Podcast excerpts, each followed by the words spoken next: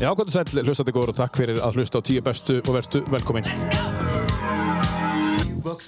Já, við sendum eh, eins og alltaf út frá podcaststudió Akureyrar og við sittum hér í höfuðstað Norðurlands í sólinni ennþá en það er ennþá skýtkalt. Uh, voru ekki ennþá komið en uh, það er alveg sama, það er komin mæ og næstu því meður mæ árið 2021. Um, Kostendur þáttarins eru sem segir Nestek Akureyri sem sér um, uh, sér um að uh, já, það eru dekkaskipta dagar núna þú átt nú að vera búin að þessu en, en uh, endilega kíkja á Nestek- nestek.is og velja Akureyri og uh, fá þér uh, uh, skipti og það kostar þig 20% minna ef þú fer í Nestek og Akureyri þig bjóða 20% afslátt ef að þú hen- hendir inn uh, uh, kóðanu PSA þú ert að uh, greiða PSA, einu sem átt að segja þess að 20% afslátt takk Nestek Akureyri Gleratorg Akureyri kemur sömuleiðis að þættinu við þökkum kjalla fyrir það Gleratorg restjónarmiðstöðun okkar hér í Hjartabæjarins Inn í Gleratorg eru frábærar veslanir meðal annars eh, norsk veslun sem að var stofna árið 1967 og heitir Dressmann Þeir eru líka í Reykjavík og víðar og við þökkum kjalla fyrir kostunum á þættinum Dressmann á Íslandi X-Mist er um, úðinn sem að hefur komið í stað hins hefðbundna spritbrúsa og við þakkum kjærlega fyrir það X-Mist, þú ítur að í takka og þú þrýfur heilu herbyggin uh, Þú mátt bera þetta á þig en þú mátt alls ekki drekka úðan sem kemur úr X-Mist og heldur ekki spritið þó þú sett haldir annað Alls, alls ekki Og svo er það markþjálun Norðurlands sem að, sem að eh, kostar þáttinn og eh, þú getur fundið þá inn á eh, Facebook. En uh, fleiri voru það ekki í dag sem að eh, kosta okkur við þakkum kjalla fyrir það. En í dag til mín er komin, uh, já ég veit ekki alveg hvað ég á tillana, landsliðskona, ísokki, drottning, frá Akureyri, búin að búa ellendis uh, búin að skauta með eh, sænsku liði núna síðast og hún heitir Herborg, Herborg Rut Geistóttir Vistu velkomin, Takk hjá fyrir, gaman að fá þig takk fyrir að fá mig uh, Velkomin heim, segi ég fyrst, til Akureyri aftur Takk, Þú ert nýflutt heim aftur, eða ekki? jú, Eða það ekki? ég er búin Já. að vera með tvo mánuði núna Já, já Þú ert Tvo mánuði, já það er ekki lengra Nei, Já, akkur fluttur heim aftur ég hef alltaf langað að gera það sko Já. Bara svona eitt sumar Já. Ég hef aldrei ákveð að fara bara alla leið og bara flutt alveg heim En mér langaði bara að koma hérna, ég hef ekki verið hérna Sín ég var þetta var gömul Já Og Þannig sé þú komið heimsókn, eða ekki? já, ég hef alltaf farið heimsóknir og mér finnst það alveg frekar leiðilegt sko Já. Því að Maður er svo, það er svo mikið að gera og svo mikið að prógrami og ég fæ aldrei að bara svona Já. chilla og njóta mín hérna. Já. Það er bara mjög næs að geta Heimsækja. verið hérna bara fyrir mig sko. Já, ok Og uh, þú ert búin að búa í, eins og þú segir þá, í Nóri síðan, eða? Já, og uh, já, og í Svíþjóð eða það sem að Já. þú varst, uh, ert að koma þú kemur frá Svíþjóð til Akureyrar já. Akureyri kemur heim, um, þú ert á samning úti Náttúrulega eða ekki? Jú, sísun okkar var bara, það var hægt við all sísunnið, bara cancelað út af COVID. Já. Þannig að við vorum pínu svona hvað erum við að gera, þú veist, erum við að fara að æfa áfram fyrir enga leiki og þú veist, svo var vel bara svona, það var bara hægt við allt og allir fóru bara heim einhvern veginn. En ég komst ekkert heim út af, ég er náttúrulega íslensku ríkisborgari og normenn vildi ekki sleppa mér í gegn.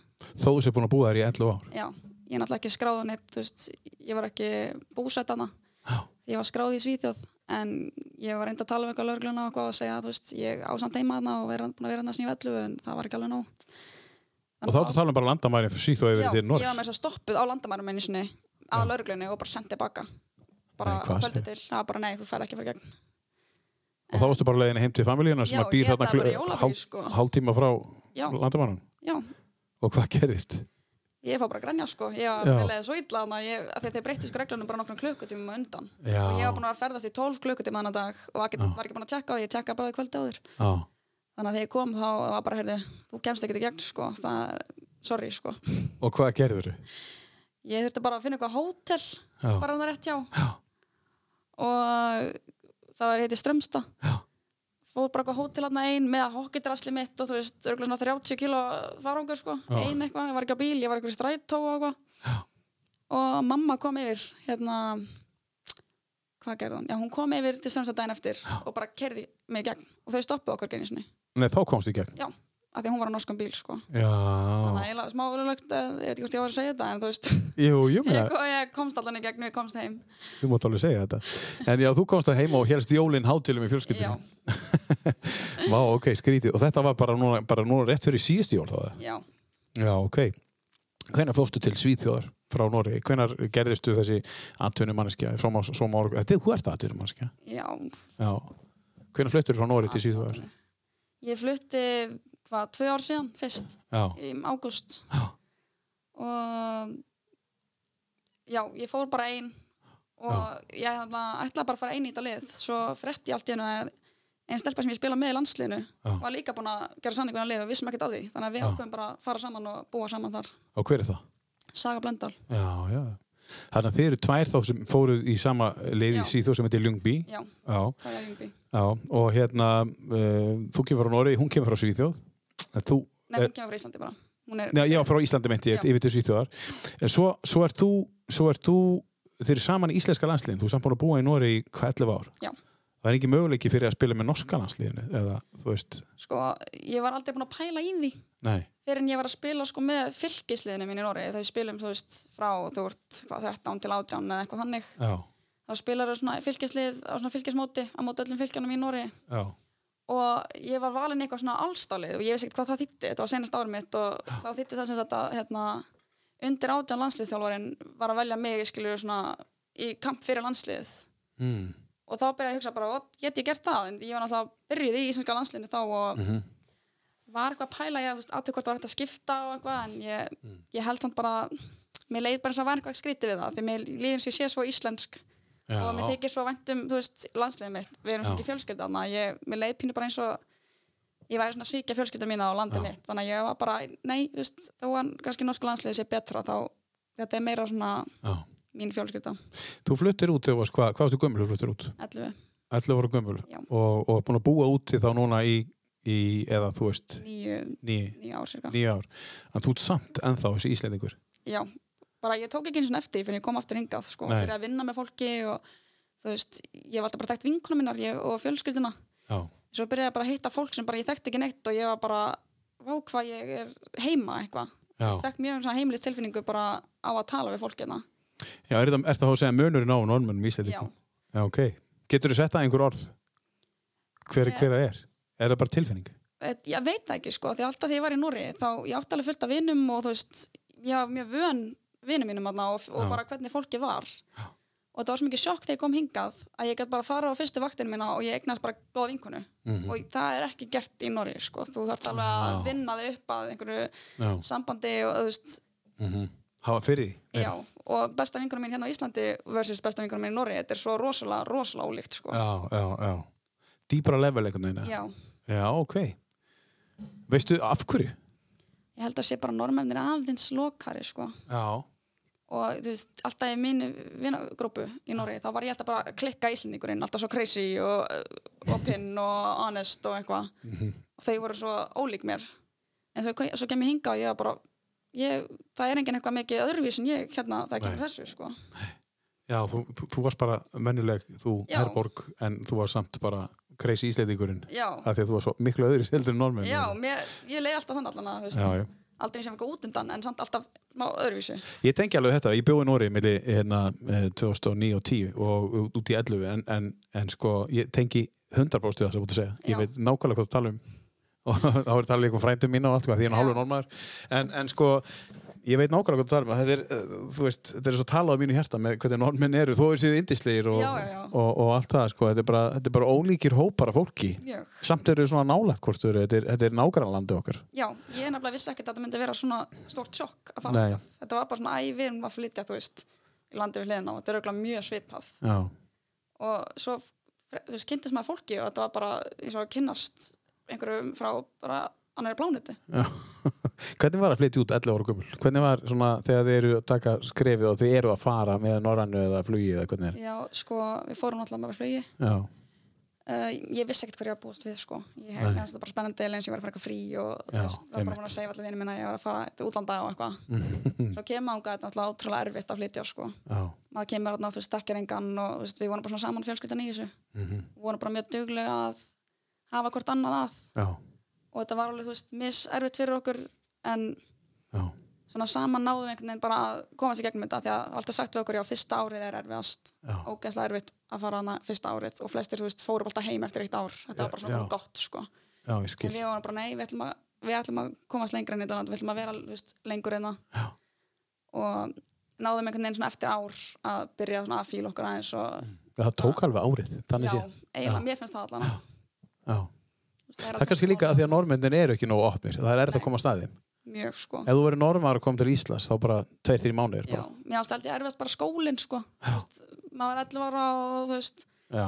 þarna þegar ég bjóð í Íslandi það voru allir bara allir gett skritnir 11 ára krakkar sko bara í einhverjum íþjórtum og klættu sér bara allir einhvern veginn og eitthvað og svo kom ég til Noregs og fór í bekka sem allir krakkandi voru í skirtum og í einhverju pólódæmi og ég alls ekki þar sko ég var bara í þessum bíber neonból sko Já. og það var náttúrulega bara gert svo mikið grinna mér fyrir þetta og ég var svo lengi að reyna að fatta þú veist, í hverju ég átt að vera og hvernig ég átt að tala þú veist, til þess að passa meira inn sko.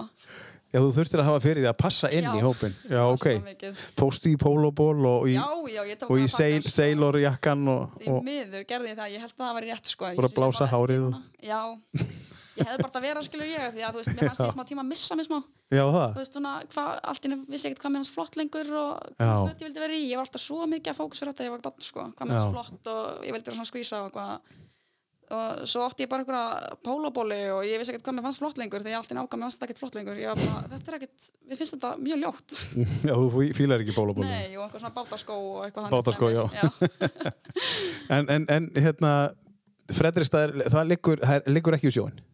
Þú ert að hæra hinum megin við, eða hvað? Þú ert að það liggur hafa... ekki við sjóin sko, en Nei. það er, full- þú veist, við erum alltaf með glomma Já, áin já, já, já. og fullt af einhverju svona, þú veist, við erum með valir það er svona eiga, Já, fullt af litlum Valir eyjum, eyjuna, já, þannig að já. mikið bátalíf og svona annað já. Eyði bát?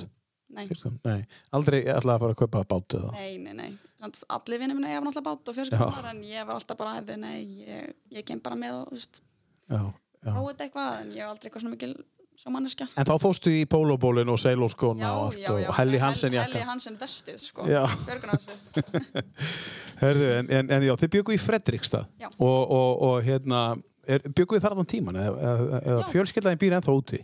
já, þau Já. eru ennþá í fredist þá Já. ótrúlega fallegur og Já. krótlegur bær, sko, Og kom ykkur vel fyrir náttúrulega núna, mjög hvað er komin 11 ár? já, níu Níu ár, já, níu ár, já. pappi er búin að vera tíu, sko, hann fór nokkra mann á undan okkur Já, já, já, þannig að, og þú veist, þau kefti sér hús og Já. þetta er bara mjög grútlegu staður og Já. svona þægilegt að vera, sko já. Og hvað er þið mörg í fjölskyldinni? við erum fimm, Já. svo er ég náttúrulega líka hálsistur hérna á Íslandi, hún er Já. býr í Reykjavík Hver er það? hún er til Hrefna, Já. hún er hérna aðeins eldri en við hinn, sko Já, og pappi átti hana nefnilega, já, eða á já, hann á hana. já, Já, eignaðist hana. eignaðist hana En hérna, eh, hver- hver eru hinnir í fjölskyldunum? Segðu okkur hverju fóreldarnir eru og svona þannig að fólk fatti. Hver? pappi er Geirborgar, Geirsson Já, hann er rosalega mikill akureyra mannur- maður já mikil kámaður. já, rosalega margir sem bara koma að mér þegar ég er hérna á akureyri og tala um pappa minn í svona korturum og ég veit ekkert hvað fólk þetta er Nei, ég er búin að lenda í því mjög ofta að ég fara á djammið það er Já. alltaf einhver fólk sem kemur og þetta er dóttir gera geir sko já. og honum finnst það geggja hann heyri það En er mikill akkurinningur, já. já, svo mamma, hún er Elinborg Já, hún er frá Reykjavík sko já, og er svolítið Reykjavíkingur og en samt ég ætla að byggum akkur alltaf og hún er líka þú veist það er alltaf El og Geiri sko já, já. ekki allir sem El og Geiri ég sá með tattu sem stendur sko El og Geiri á hérna Já, nú erum við að sína með tattu af, af, af handleikinu á sér, stendur bara ekki mamma og pappi, heldur Ella og Geir, já, skrítið. Nei, það er bara skemmtilegt, það er ekki Já. skrítið. En, en sko, já, svo áttu uh, tvö sískinu viðbótið? já, já en að stórsýstur Já, Þorbjörgefa já, og eina litlisýstur sem heitir Kristjana Erla og búa þær úti líka? Já. Já, og þær er ekkert að koma eitthvað hingað. nei, allan ekki á næstinni sko En nú ert þú komin hingað? Já. Og hvað ætlar að vera hérna lengi?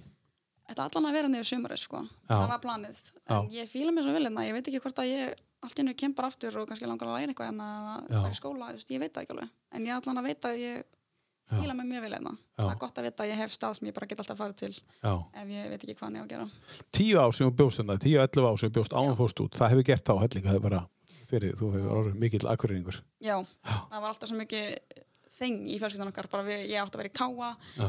ég var akkuræðingur við byggum sko við hlina á þórseimilinu sko Já, af hverju ég- gerðu þið það? ég bara veit það ekki sko. og svo ætla ég í fótbolta og pappi var bara svona "Ertu ekki bara að fara í þór skilur þú veist það er tvær myndur að labba ánga sko. Já, nei ég ætlaði í káa já. og mætti í káa búningnum Sæði Skóla- pappiðin allar ekki Þór? já, að, þú veist, Káa maður nummer eitt. hann náttúrulega, þú veist, vildi bara örugglega gera sem auðvöldast fyrir mig sko. Ég er að grínast, já. maður myndi gera það sama. Já, já. En já, ég mætti káabúningum í skólan í gleiraskóla, það var ekki það var gert svolítið mikið greina með hana en Er ég var það? svo stoltur káa maður sko Já. ég þurfti náttúrulega að sína öllum að ég væri káa En hefur þurft stundum eins og með Káagallan og með Justin Bieber bú- bólinn í, í Nóri, þú þurft stundum að svolítið að, já, svolítið að hafa fyrir því að fá bara að vera þú.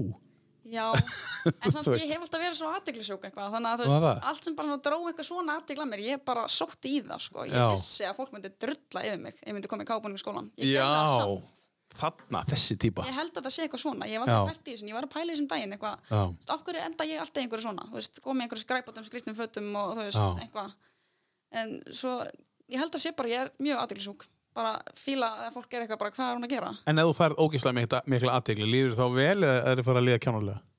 þau eru bara eftir hvað aðdeglin er, sko Já, en oftast ég fíla mjög mikið bara að vera í spotlætinu og þú veist, Já. ég er mikil spjallari og tala um líf mitt og já, finnst mjög gaman þegar fólk er, finnst á, ég var áhugaverð já. Ok.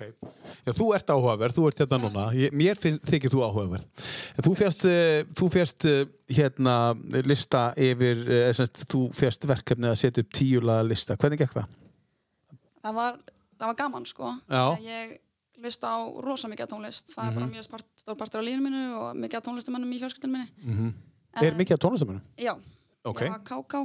hérna Jazzmaður, það var langaði minn og hérna Siggi afi, pab- nei, afi minn hann var produ prodúser og í bandi og svo hérna Það eru Káká, já, bara sjálfur Káká. já, The Káká. já, Ok. Hann er, hann er hvað?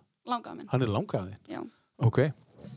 og já, það er mikið að, þú veist, alltaf verið mikið að tónlist í kringum fjölskylduna mína Mhm. Já. þannig að ég var mjög sko mér langaði að velja góð lög sko Já. og ég breyti sem lista hundarsunum áður en ég Já. ákveða hvernig það vera Já.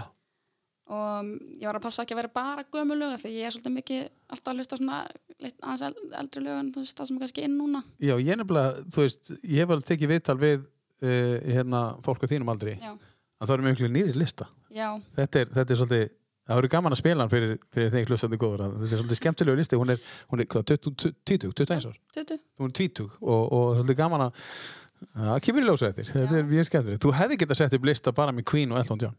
já, mér langaði eiginlega að gera það af því að mér finnst bara svo mörg lög sem þau eru búin að eða það, Eldon til dæmis, ég er bara ástofangin á þessum manni sko, mér finnst Já. allt sem hann gerir bara meistarverk sko, þetta er bara fullkomið Hvernig kynnistu Elton John og, og, og, hérna, og, og Queen? Er þetta eitthvað gegnum fóreldrana, eldri sýstir? Já, ég held bara fóreldar minni sko, en þau voru aldrei eitthvað svona huge fans eitthvað þannig, ég held Nei. ég bara fann þetta mikið sjálf líka Já, og þú veist, ég byrja bara, þú veist, ef ég fíl eitthvað mikið þá Já. þarf ég bara einhvern veginn að vita allt um þetta og vera bara svona Mm. obsessed Mm. og ég gerði það með Queen og Elton John já, fórstu að lesa til og hlusta á allt. Já, ég hef búin að sjá öll viðtöl og bara dokumentaries og Já. lista á all albumin og, Mm. og það gerir svolítið með Queen og Elton John bæði þannig þá þeir voru svona ég bara einhvern veginn varð þau í smá tíma Já, bara ok. hugsaði allt bara um það Já, ég skil.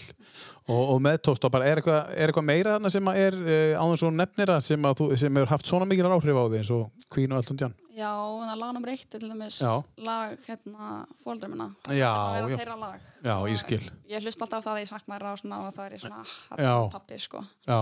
Það verður kannski að pínu erfitt að spila á eftir. Nei, nei, það verður ekkert erfitt að Nei, spila. nei, Nei, allt er nei, nei. góður sko Söknur eru bara af hennu góða. Já, Um, en saknar eru Norex.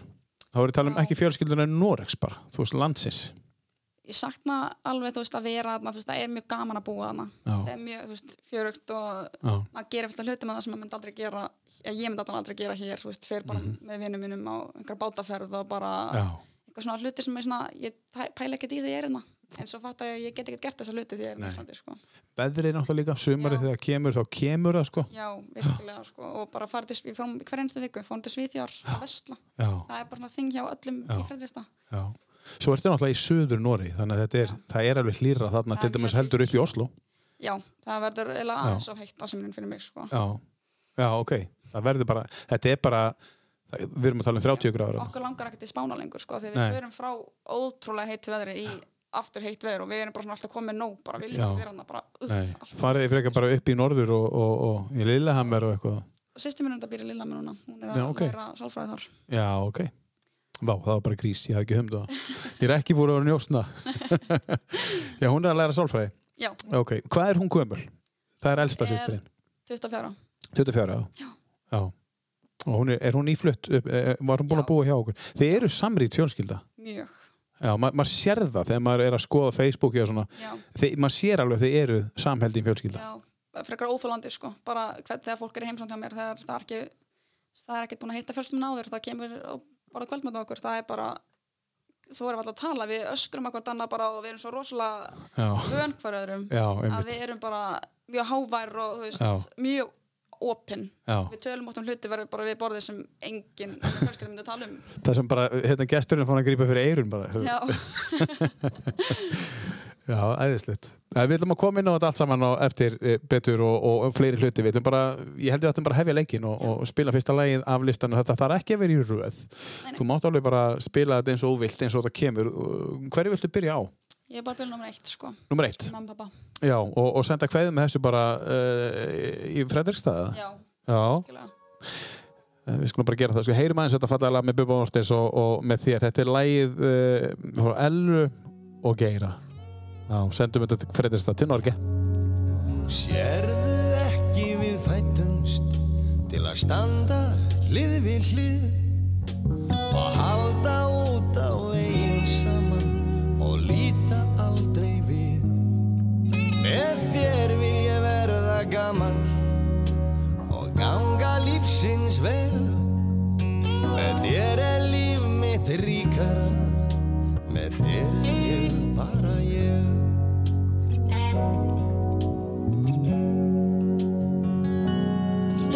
Menn segja ég sé breyttur og syngjum börnin og þig Ég syng um það sem skiptir máli aðeins fyrir mig Eitt mátt þú vita, ég elska þig meira en lífið sjálf Ég trúan þín mitt líf væri hvorki heitni hálf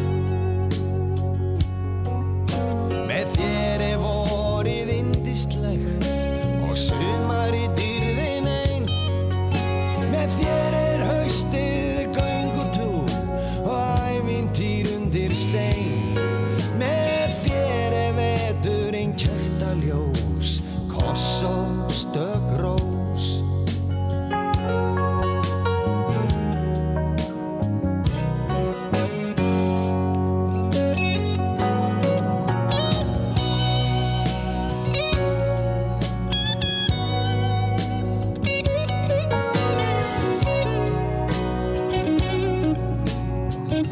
Heyrim þetta fallega lag með eh, Bubba Mortens uh, leiðum sæli vera að líða aðeins lengur en venjulega með þér að því að þetta er lag foreldra hennar herrborgar uh, Heyris þetta spilað í brúköpinu?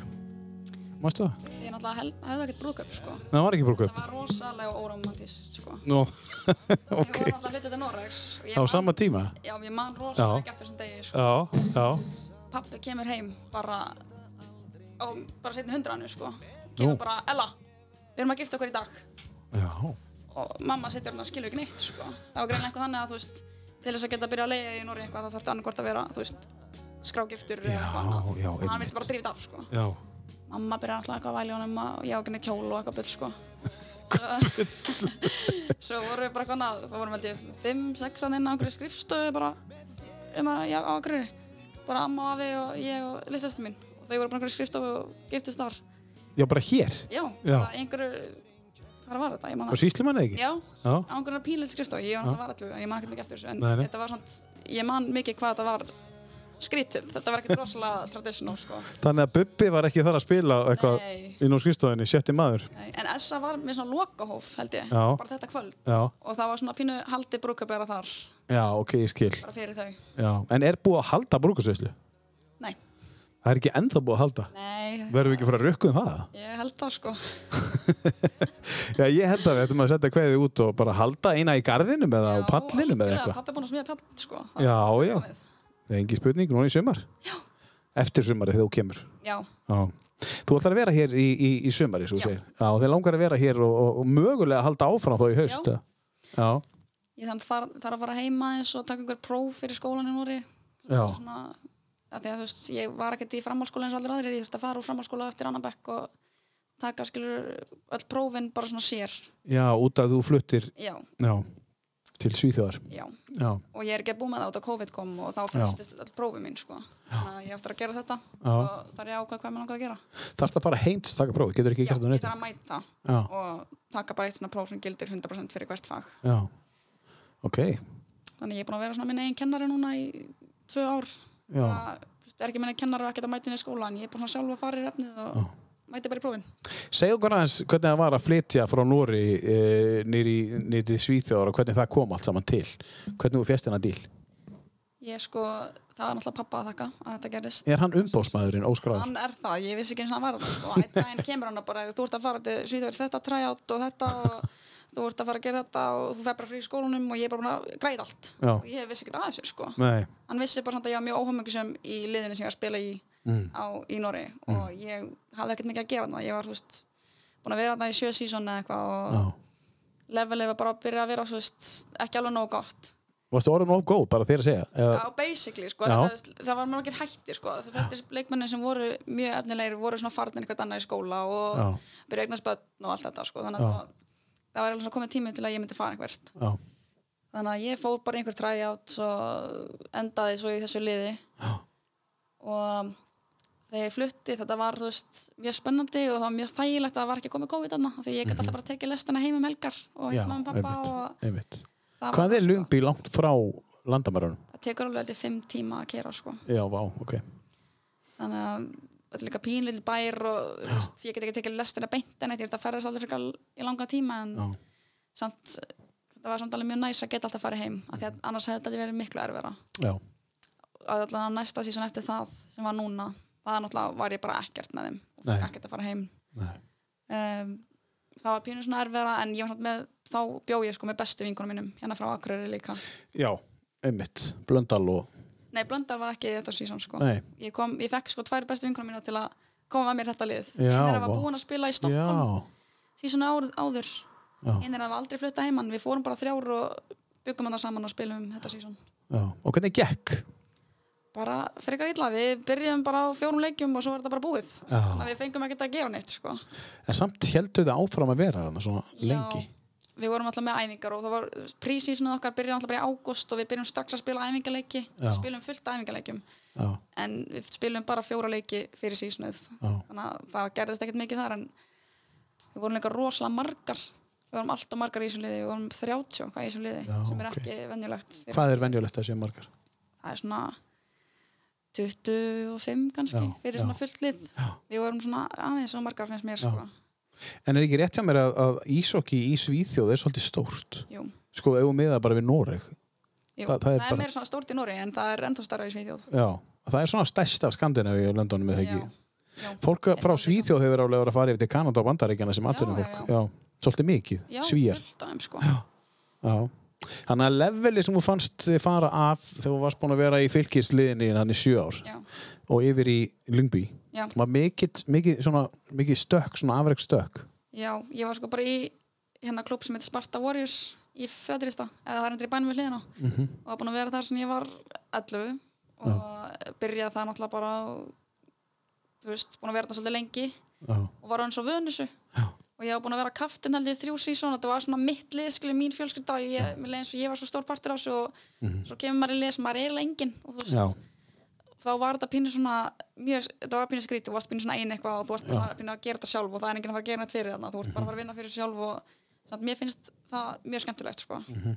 og mér fannst rosa skrítið að vera á æfingumanni byrjuna því að ég, mér leiðin sem ég væri á hokkjæfingu með 20-30 öðrum gælum sem, var, sem voru alveg svo ég já, ég hef aldrei verið, þú veist, hvernig okki er alltaf neðar mjög margir þú veist, leikmenn sem enginn er eins, það er á aldurinu Já. mjög mikil þú veist, mjög mikil aldursmunur á öllum og já. þú veist, hvernig, hversu góðu fólk, þú veist, bara svona levelið á leikmannum Já. individually. Já. Þannig að því ég kom þetta lið, það var bara allir eins, þetta var bara svona, svona vélmenni, við vorum allar svipa stórar, já, allar mjög litlar, nettar og hraðar og þú veist, Já. allir voru einhvern veginn eins og ég þarna. já, ok. Og það var alveg mjög gaman, sko, að Já. láta að spila með einhverjum sem funni er eins og ég. En, en sko æfingarnar voru þær k- meira krefjandi? Já, mikið meira krefindi, erfiðari fleiri æfingar og Já. ef þú stóðst ekki vel æfinguna þá varst ekki að fara að spila neitt og Nei. ég hafði aldrei lent í því þannig sjáður um, allan ekki senist allan ekki árun undan því þá var það pínu svona, þú veist, ég mætti bara alla æfingarnar og Mm. þá vissi ég að ég myndi fyrir spila og þú veist, þó ég var mömmulega sem æfingum, ég samt, maður fær samt að spila sko. Já, þetta er líka pínu annað á Íslandi, þú veist, bara þú mættir þá færði alveg þinn sjans já, en svo kom alveg æfingar sem þjálfur minni í svíti var bara, þú ert búin að vera ógeðslega léleg núna, ég ætla ekki að leifa að spila nei og ég var bara ok, þú veist, það er fyrr En þjálfarinn, en þjálfarinn, var hann góður? Eða hún, eða, þetta eru tveir bræður sem voru með það sko. já, þeir hérna bara, það var rosa gott að hafa þarna þeir Já. eru með mjög mikinn áhuga á að þú veist, koma okkur í herri deildir og bara hjálpa okkur sem lið og sem bara individual leikmenn sko. já, einmitt Sem þú fannst kannski ekki fyrir hjá Sparta Já, Warriors. það vantaði smá þarna þjálfara og það vantaði alltaf eitthvað svona eitt og eitthvað, eitthvað smá, smáttir í sem var Já. aldrei þú veist, almennilegt og leikmenn og þetta var bara svona þetta er alveg pínu ennþá annað svona því miður vantar einhver smá svona ég held að sé bara þú veist, stjórnin í klubnum sem Já. bara er ekkert að gera neitt fyrir hvern okkið En Hvað ætlar að fara langt með þetta? Hvað langar þig að, ef þú fengir nú að ráða Hvað, hvað langar þig að fara langt í hokkinu?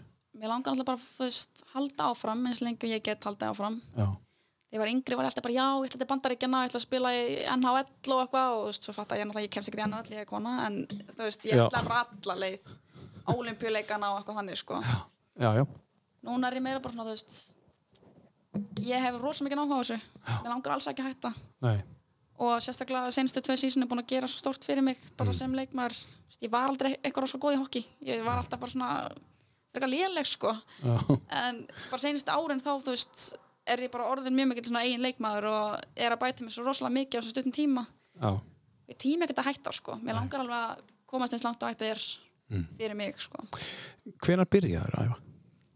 ég var byrjuð, þú veist, bara svona að skauta og eitthvað en að í hérna, skauta en að við lagakræðar, svona fjögur að fimm ára fimm kannski, Þannig að þeir eiga þig já, ef, að ég þú, byrjaði þannig sko. ef þú fer að spila fyrir Kanada eða vera atvinnumæður þá, þá er þeir alltaf eitthvað aðeins sem eiga eitthvað hlut í þér hver, þessa Essa. Þa- já, þú veist, ég náttúrulega fór í þetta þegar þú veist, pappi var að spila og sýsti mín var að spila og Eða þetta var þannig já, mamma fór líka, við vorum á tímabilið, þú veist, fjögur í klubnum, sko, já, já, ok Þannig að það voru allir í hokkinu já, Og- Kom eitthvað annað til greina, einhver önnur íþrótt allar, sko ég var í öllum íþróttum, Já, ok ég var bara í frjálsum karate, handbolta já. fótbolta, fimmleikum og þú veist, ég gat ekki valið, sko Mér Hvernig fannst hafði allt þið tíma fyrir þetta allt? Ég veit það ekki, ég bara var með rosa miklu orkugreila sem bann Já. og fannst það geðið gaman en svo þú veist, þegar maður var hún pínu eldri þá varst maður að velja. Já, einmitt Ég hefði, þú veist, ég var líka alltaf mjög, mjög góð í fimmleikum Já, og hefði eiginlega kannski bara átt að fara í það, ég var alltaf svo góð í því sko, ég Mm. var aldrei góð í hokki en ég veit ekki hvernig ég aðlaðast mikið að hokkinu af því að ég, ég essa, ég átti ekkert svona marga vinið þar og ég var ekkert það góð en ég veit ekki alveg á hvað gerðist að ég myndi alltaf velja það í staðan fyrir fimmleika eða einhver önn, einhver önn Nei. íþrótt finnst þið gaman að fætast slást Nei, þú veist, Karate, svo ég er minna, þú veist, þú veist, ég er ekki að segja Já, hans karti leiðilegt samt Já, sko. það. en í hokkinu, þú veist, það ég er náttúrulega dóttir pappa minn svo, þú veist, og það fíkur alveg í mér sko. Hefur þið rifið að þér hjálminn og slegist? ég hef alveg slegist, ég hef ekki ríða með hólminn samt Nei, svona eins og þeir gera sko já, þetta er kannski ekki alveg jafn dramatísk og það lítur út fyrir, þú veist, í myndunum og svona, en hérna, Nei. Er það gert fyrir kameruna oft? Þegar þeir rífa sér hjálminn og ég þykjast að held slást það stundum sko, já. þannig enn á ell og svona Já, en þú veist, það kemur alveg, þú veist minnst það pínu vandastundum í hvern okkið mm. að þú veist, það fíkur í fólk og Já. ef einhver gerir einhvað að bara, þú veist mér langar bara að drepa manneskuna, mm. akkurat í augnabli ekkert eftir leikin, er þannig, Mhm. Nei, þetta er bara núna. ekki persónulegt en bara, það fíkur mjög mikið í mig og það held ég ástæða fyrir að ég fannst hokkið svo gaman því að Mhm. það mátti, mm -hmm. það mátti alveg vera reyður á það, Það er verið erfitt að vera reyður bara á dínunni í fremleikunum Já, bara alveg brjáluð í nefnilega. einhverju flikkflakki ég veit ekki hvernig það myndi enda, sko.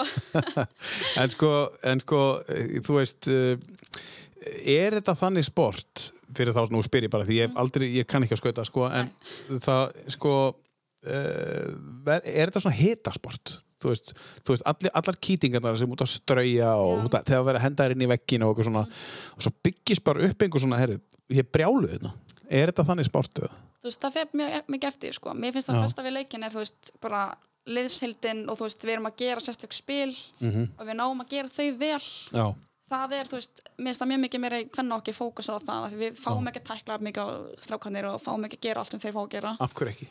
það er góð spurning Já, Ég- Er það bara að banna það? það er bannað, sko, eða við fáum allan að ef ég tækla einhvern, ég fæ alltaf dóm fyrir það í, hérna, Já. kalla okkur, þá er það ekki þannig Þú ert bara að spila með strákana þá. Ég er búin að gera það mikið, sko. Já. Og Færi samt dóm þar.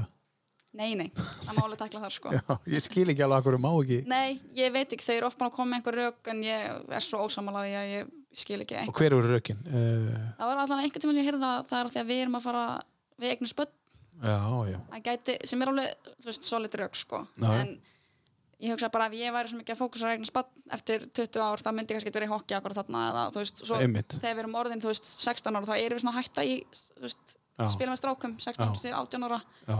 þá er maður ekkert mikið að lendi svona Nei. dæmi. Einmitt. Ég skil alveg, að ég væri að fara núna að spila á móti einhverju kallaliði bara í Svíþjóð, það myndi ekki- kannski gerast einhver sem ætti ekki að gerast, en ég Ég meina, ekkert að því. hvað ætti að gerast þannig að þú getur ekki eignast bann Ég- ég veit inn á það ekki, vellinu? sko, ég Eða skil- skilur, ég er bara að Nei, reyna að sjá ég- það fyrir mig, sko. Nei, ég er líka ofbúin að pæla í þessu sko. En- Af því að því að- að- að- að þú getur farið í fótbolta Já, og það má strauja menn þú getur bara það. spjald. það getur, þetta getur gerst þó Alls sért staðar. ekki í íþróttum. Já, Já, já. þetta getur bara gerst sko. Já, já, og ef maður er í íþróttum, maður er að taka sensa skilju, já, já. maður getur fengið heilaristing bara með því að fara og hlaupa hjól sko, og líka Já, í hokki og fólk er algjörlega. bara, hvernig þorir þessu og þú er búin að fá heilaristing og já, já. ég bara, mér finnst þetta bara alveg gaman og smá worth it sko. En ertu svona áhættu fíkil? Svona sækin? Áhættu sækin, ekki fíkil, en sækin. Já, alveg að sem við leiti sko. mér finnst alveg mjög gaman að þú veist gera eitthvað sem kannski aðrir myndi ekki gera og Já, ég veit samt ekki alveg hvernig ég geti útskjart það betur sko. nei. bara þú veist, mér finnst mjög gaman að vera eitthvað spontaneous og allt í nú gera eitthvað sem bara, þú veist, ég var ekkert búin að plana og mér finnst ekkert mjög leiðilegt að plana hluti Mér finnst Mm. Ef það þú stendur með vinkonuðinum fyrir svona, það er svona bjarg og það er kannski 15 metra niður bara- Já, og það er verið að spá og spökulera og hvernig, ert þú manneski sem kemur hlaupandi og hoppar úti? já, ef ég kynna að synda, þá myndi ég kannski gera það Já, það er svoleið. Ég kann ekki synda Þú kann ekki að setja það. Þú hefur ekki haft sund Nei, Nei. það Sko- er eina íþróttin sem ég bara aldrei eftir á og ættir kannski að fara að æfa þá. Ég ætti kannski að gera það Herðu, ok, höldum áfram með listan, tökum næsta lag. Um, hver, hvað viltu hendi næst? Við förum bara aftur raunin eða ekki Nú er það? Já, já, Ok, af hverju þetta? Og, og hvena byrjar að hlusta á þetta? þetta er bara besta lag með Queen, finnst mér Já, já, Kemur bara einhvern sérstakann gýr, sko Við já. státa fyrir hvern leik, sko Nú er þetta svona það lag, já. Já, eiginlega. Ég bara fæ eitthvað svona einhverja tilfinningu í hlusta eins og ég Já. sé bara á Broadway allt í hennu.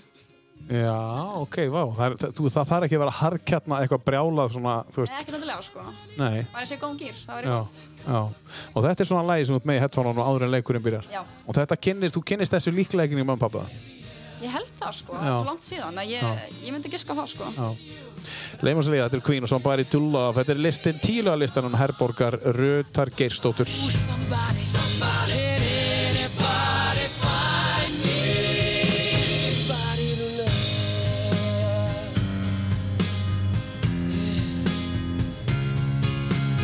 I work every day of my life. I work till I ache my bones. At the end, I take home my hour pay. All on Oh, my own. I go down on my knees and I stand and pray till the tears run down from my eyes. Oh, somebody, somebody, ooh, somebody, can anybody find me? Somebody to love.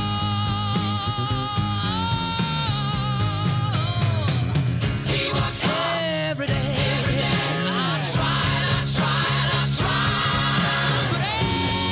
tried, but everybody wants to put me down. They say I'm gone crazy. They say I got a lot of water in my brain. I got no common sense. He's got nobody left to believe.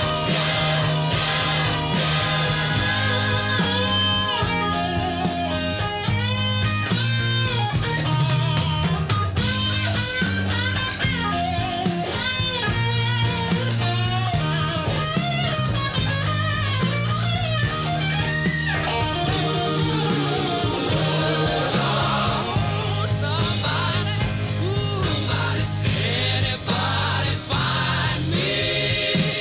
Somebody to love. find me? Someone to love. I got no rhythm. Þetta er Queen og Somebody to Love. Þetta er búin að sjá myndina uh, Ó, verið já. oft kannski. Já, frekar oft, sko. Já. Og líka með Elton John, Rocketman. Já, rosa góð mynd, sko. Já. Það er bara geggjar. Já, ég er búin að sjá korfa, sko. Já, Þú sér það, Þetta er alveg ömulegt, sko. þær eru svo góðar ég Já. var svolítið skeptikál sko að þetta er svona, þetta eru, þú veist hljómsveit og listamaður sem ég bara mér leiðum sér þekkju sko þannig ég var mér Já. svona, þau eru bara að gera þetta vittlaust eða það er eitthvað sem er eitthvað rétt og eins og horfði á þetta, ég var bara hágarinnandi sko ég græt yfirleitt ekki því að horfa á myndir sko Nei. þetta var bara ekki að mynd En grætur Yfir tónlist til dæmis? já, ég græt rosalega öll tónlist Já. bara, eh, bara að hlusta á einhvern texta þá líður mér alltaf eins og ég sé bara að syngja þetta sjálf og þetta bara gerðist um mig ég veit ekki okkur ég hef alltaf verið svona fæ bara gæsa á þeim leið og ég heyr eitthvað smá fínt Já. sönga eitthvað þá Já. er ég bara ó hvað þetta er flott Það reyfi við þér. já, ég- En þú sagðir að KK væri langafiðin. Já. Spilar þú á okkar lofari og hefur þú einhver tíman eitthvað? og þú veist það hérna Siggi afi minn, hann hérna var alltaf hann að gefa mig hljóðfæri á, þú veist, einhvern ramaskítar og hljómborð og magnar og einhver svona dót, en ég Mhm. ég var alltaf bara svona smá að leika með hljóðborðinu bara að gera eitthvað sjálf, en ég fór aldrei að læra þetta almennilega ég var bara, þú veist, að skrifa texta og syngja og eitthvað og Já. það er mjög gaman, sko Er það þá uh, sem sagt, Sigurur Kristjánsson? Já. Já, sem sagt, sonur Nei, KK. hérna, nei, nei, nei, það er Nei. hérna pappi hann er Siggi Arna, Siggi Arna, já, já, ok, já, já, hann er hérna bara prodúser eða var já. og var að spila í hljómsveit með þú veist, Megas og Já, eitthvað já. þannig að ég Þannig að það er búið að vera mikil tónlist. Já, Og þetta fer í gegnum þá móðurætt eða? já, Já. Og er hún, er hún svona einhver hún tónlist? er rosalega góð að syngja, hún hann syngur aldrei, hún Nei. var einhver í söngskóla og vill aldrei syngja eða eitthvað, finnst þetta vandralegt en hún er rosalega góð að syngja. Já, Hún, held, ég- hún kendi mér að syngja sko, Já. alltaf varum að tampusta sem því ég var krakki. Já. Það var alltaf gert sko svona söngæmingar með ég var að tampusta. já, meðan þú ert að tónlist. Já, eða- Hvernig gerir maður það? Hvað? Sko, Ah, Meðan? alltaf, alltaf þetta, ég held að allir gerði þetta svo þegar þú veist, ég var að gisti á vinkonum minni ég fætti aldrei okkur, þær gerði þetta aldrei þegar ég var alltaf að gera Frábært. söngæfingar þegar ég var að tampista Gerið þið ekki eh, söngaðingar? Ég fatt þetta ekki sko Hvað er það? Já, þess vegna var ég að spurja, því ég hef aldrei heyrt, þú veist, söngaðingar fyrir mér einmitt er þetta, Já, en ég fór um til að hugsa, er það að gera þetta með og það já, tannbjörnstæði? alltaf sko Ég gerði það mér svo stundum í dag ennþá sko Bara eitthvað að leika mér En ert þú, ert þú svona frambarilega söngkona? Ég er ágætt sko Já. Ég samt hef aldrei verið eitthvað að, þú veist Pæli að vera eitthvað söngkona en þannig Ekki bara Nei. sem ég var krakkir sko Það er ekki Mér eitthvað finnst svona? mjög gaman að syngja Og Já. mér finnst mjög gaman að skrifa texta Og bara, mér finnst mjög gaman bara að vera í kringum tónlist Já. Og allt sem kemur að tónlist finnst mér geggjað En ég hef aldrei eitthvað pælt í að verða eitthvað söngkona en þannig sko Það myndi ekki langa að vera það. Jú, ég held að myndi vera mjög gaman sko En ég Já. Þú veist, ég var alltaf aðalagast mikið að söng og leiklist Já. elska leiklist, mér langar að vera leikona Mm og alltaf langar það Ertu búin að segja um í leiklæðaskólan?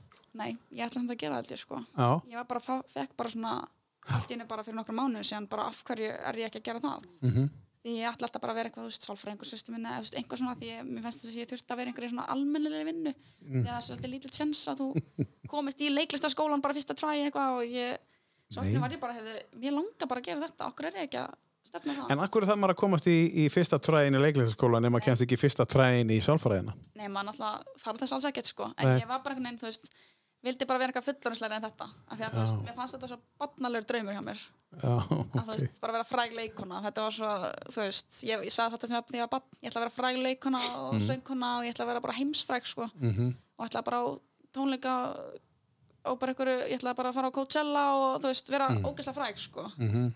en Hefur það breyst eða ertu ennþá með þetta svona? hérna, já, þetta er alveg búin að breytast sko. ég er ekkert að fara að vera heimsfræg sko. en mér langar samt að vera að leika Já. Mér finnst mjög gaman alltaf þegar ég fengi séns í skóla eða þú veist, einhvað þá hef ég alltaf verið að skrifa leikrit og vera að leika í þeim og vera að syngja og Mm. mér finnst mjög þægilegt að vera á sviði mér Mm -hmm. finnst það mjög gaman Hvað hefur leikið? ég, eins og í tíundabæk þá heldum við svona skólasýningu og ég skrifa leikritið Ok. og ég var líka að leika nokkur hlutverk og eh, við gerum líka einhverja dansa þetta var svona fullt að sketsum og eitthvað Og þú skrifa handritið þá? Já. Já. og skrifa lög í þessu og þú veist, ég ætlaði eiginlega bara að vera að skrifa svo enda náttúrulega í einhverjum tíu leiklutverkum og í öllum söng hérna atriðumum og Já. þú veist, bara einhvern veginn endaði þannig líka þarf að gera þetta allt sjálf einhvern veginn Já, það er bara, ég skal gera þetta bara. já, það var einhvern veginn, já, þú verður ekki að syngja æ, ég tek þetta bara líka, Já. æ, þá gerir þetta bara líka Þú veist, ekkert mál, En, en ég, ég tek eftir einu þegar þú ert að tala að, að þú er búin að búa úti svona lengi um, Íslenskain hefur ekkert horfið, talið þið íslensku saman á heimilinu? já, alltaf íslensku Já, ég hef alveg fundið oft fyrir því þegar ég er búin að vera mikið í Noregi og ekki búin að vera mikið í kringum fjölskylduna ekki búin að vera á mikið í skólanum eða- já, þá er ég bara, æ, hvað, þú veist ég er líka að tala mikið ennsku já, þannig að öll þessi tungumál blandast allt svona saman já. En, en, en, en sko, uh, hvernig er norskan?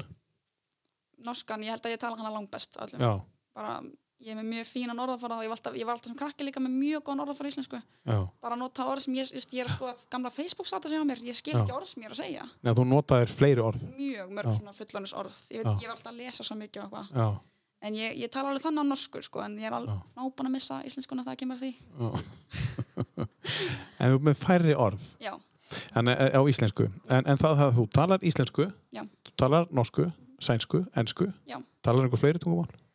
nei, ég samt hefur að læra, þú veist, ég lærði frönsku í þrjú ár og spænsku og ég, þú veist, ég var hann frekar góð í spænskunum eða svo. Já, eftir sko spænska kæristinn svona eitthvað og var alltaf mikið í kringum spæ, spænsku en ég, hún er svona alltaf að hverfa sko já, en mér finnst mjög gaman að tala önnur tungumál Já. og að læra tungumál já, já, frábært. Herru, uh, tökum þá næsta uh, sem að er augljós uh, í kjölfarið af Queen og Elton John umræðinu og mér langar samt að spyrja þig að því að þú veist, uh, akkur þetta lag með Elton John? Uh, af öllum lögunum? ég var búin að setja eitthvað annað lag, ég man ekki hvaða lag það Já. var. svo heyrði ég þetta lag svona, við vorum eitthvað vinkonum það bara að drekka saman eitthvað svo setti einhver á þetta lag og það var ég bara nei, byrju, þetta er uppáðslega mitt með honum bara ég elska þetta lag svo, Já, það er svo flott sko já, þannig að þá komstu bara að því. þá- já, það bara skipti ég um lag sko Já. Hef- Hefur það eitthvað með texta að gera? Eða er það bara melodían?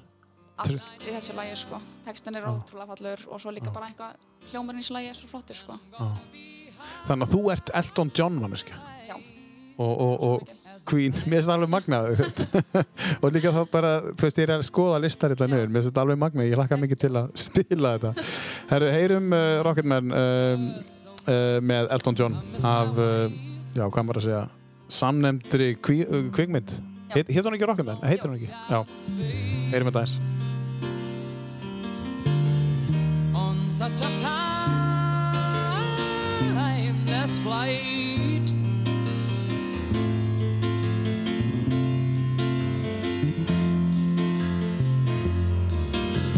And I think it's gonna be a long, long time till touchdown brings me round again to find I'm not the man they think I am at home.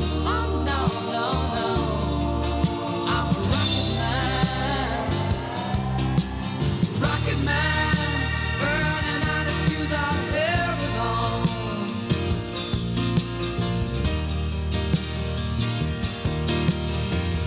And I think it's gonna be a long, long time till touchdown brings me round again to find I'm not the man they think I am at home. Oh no, no, no. I'm a Rocket Man. Rocket Man, burning out his fuse out here alone.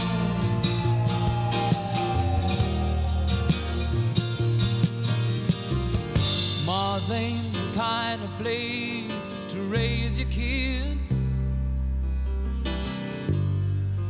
In fact, it's cold as hell. And there's no one there to raise them if you did.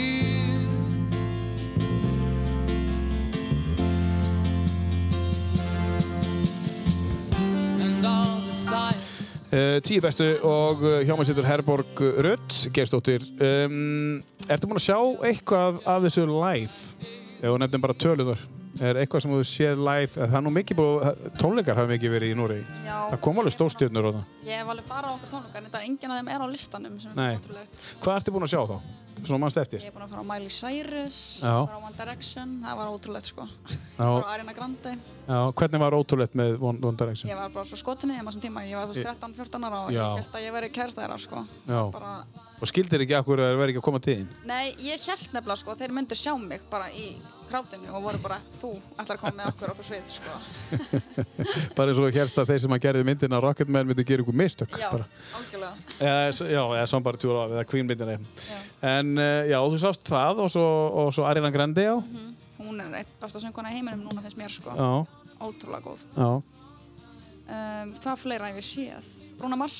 Brúnum að sjá hvernig var það það var bara miklu skemmt en ég held sko. ég Já. var aldrei verið einhver svona hjút einhver Bruno Mars fan, ég var alveg fyrst, finnst lögin hans geggjuð sko, en voru tónleikana ég var bara, vá, ótrúlega flottur tónstnæður sko. geggja sjóur og glæð já, já. virkilega sko. en, en uh, uh, eh, Bíberinn sem átt nú ból yfir, hefur þessi Bíberinn? Ég, nei, ég ætla sko á tónleika með honum Já. en ég ákvað að fara One Direction í staðinn sko. Já, Þetta ok. er sko. velja, Þú mætur ekki gera upp á milli kærastana þinn á Bíber, Nei. þú veist, þú verður að fara að hitta kærastana, alla. Já, áttu náttúrulega marga þarna, sko, Justin Bieber var líka einn af þeim, en Já, þú þetta veist, er bara að býða hans. hann þetta bara að býða og býðu bara eins. Hann býður ennþá eftir mér, sko. Já, en er ekki, er ekki ágætis svona flóra að koma til Norex og Oslo, þú veist, er ekki alltaf eitthvað með að vera? Einhver, svona, Jú, það er alltaf. allt er eðlilegt, menn ég. Já. Það, er- það er mjög gaman að fara allir bara til Oslo í dag og kannski fara á tónleika eða eitthvað og vera svona í svona stórborginni, sko. Já, Það er mjög, það er svolítið væp, sko. Það verður sem að vera pínu í útlöndum. já. Farið þið oft inn í Oslo og fjölskyldan Já, já. og takir svona dags eða túra eða... eða... Gerum það ofta að fólk er í heimsótt líka, tökum þeim til Oslo. Já, já. e, Fáið þið mikla, hérna, fáið þið mikla svona heimsókn frá Já, já, já. Íslendingum. Alltaf íslendingar hjá okkur.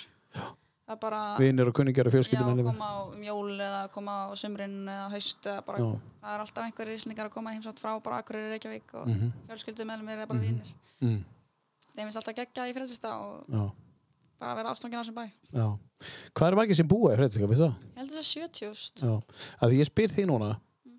en ég myndi spyrja eh, Norman sem að býr í Fredriksta Já. hann myndi ekki vita Ég Nei, myndi segja, alls ég ekki. bara hef ekki sko. hugmynd um það. Nei, það er svolítið einstakt það er mjög spes sko. En það er samt alveg satt. Já, Ég veit það rosa lítið einhver svona Eh, dæmi. eitthvað- þið er ekkert að spá í Ég- þessu? Ég veit það ekki, eitthvað. ég veit ekki, miljón eða eitthvað Og það er að, Nei, þeir eru sko 7 miljónir, það búa ekki miljón í, í Fredriksta sko. Já, ok, ég 200.000 Já, samt, halda, eða, samt, þau, samt finnst þessi bær vera besti bær í heiminum. Þetta er Já. bara besti bær sem er til. Er hann á pari svona við svona, hvernig hann er byggður upp við Akurir eða svona Ég smá fæ smá svona akureyringa tilfinningu annars sko. Já. Þannig að þetta er miklu starra sko, en þegar maður býr þarna, þetta er svona mjög lítið og Mm. notalegt sko.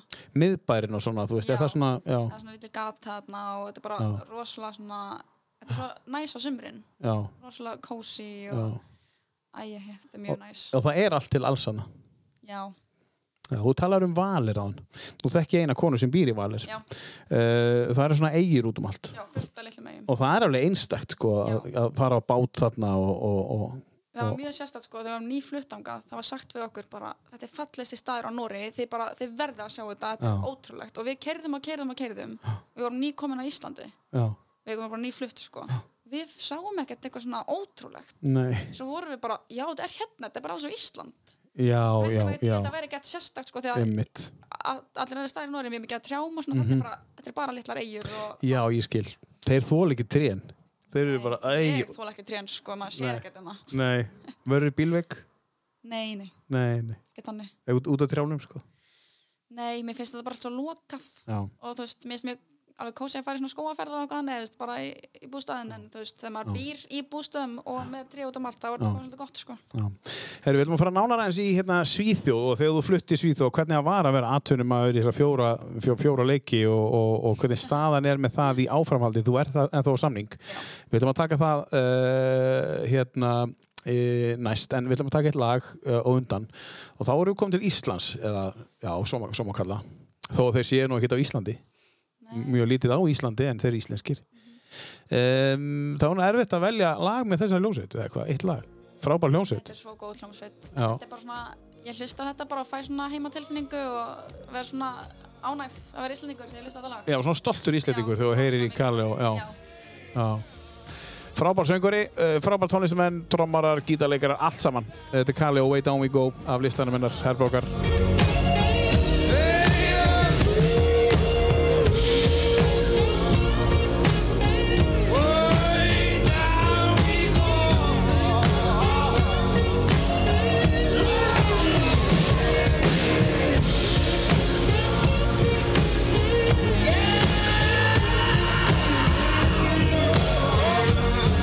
Way down we go, go, go, go, go, go. Way down we go, go, go. So way down we go, ooh, ooh. way down we go.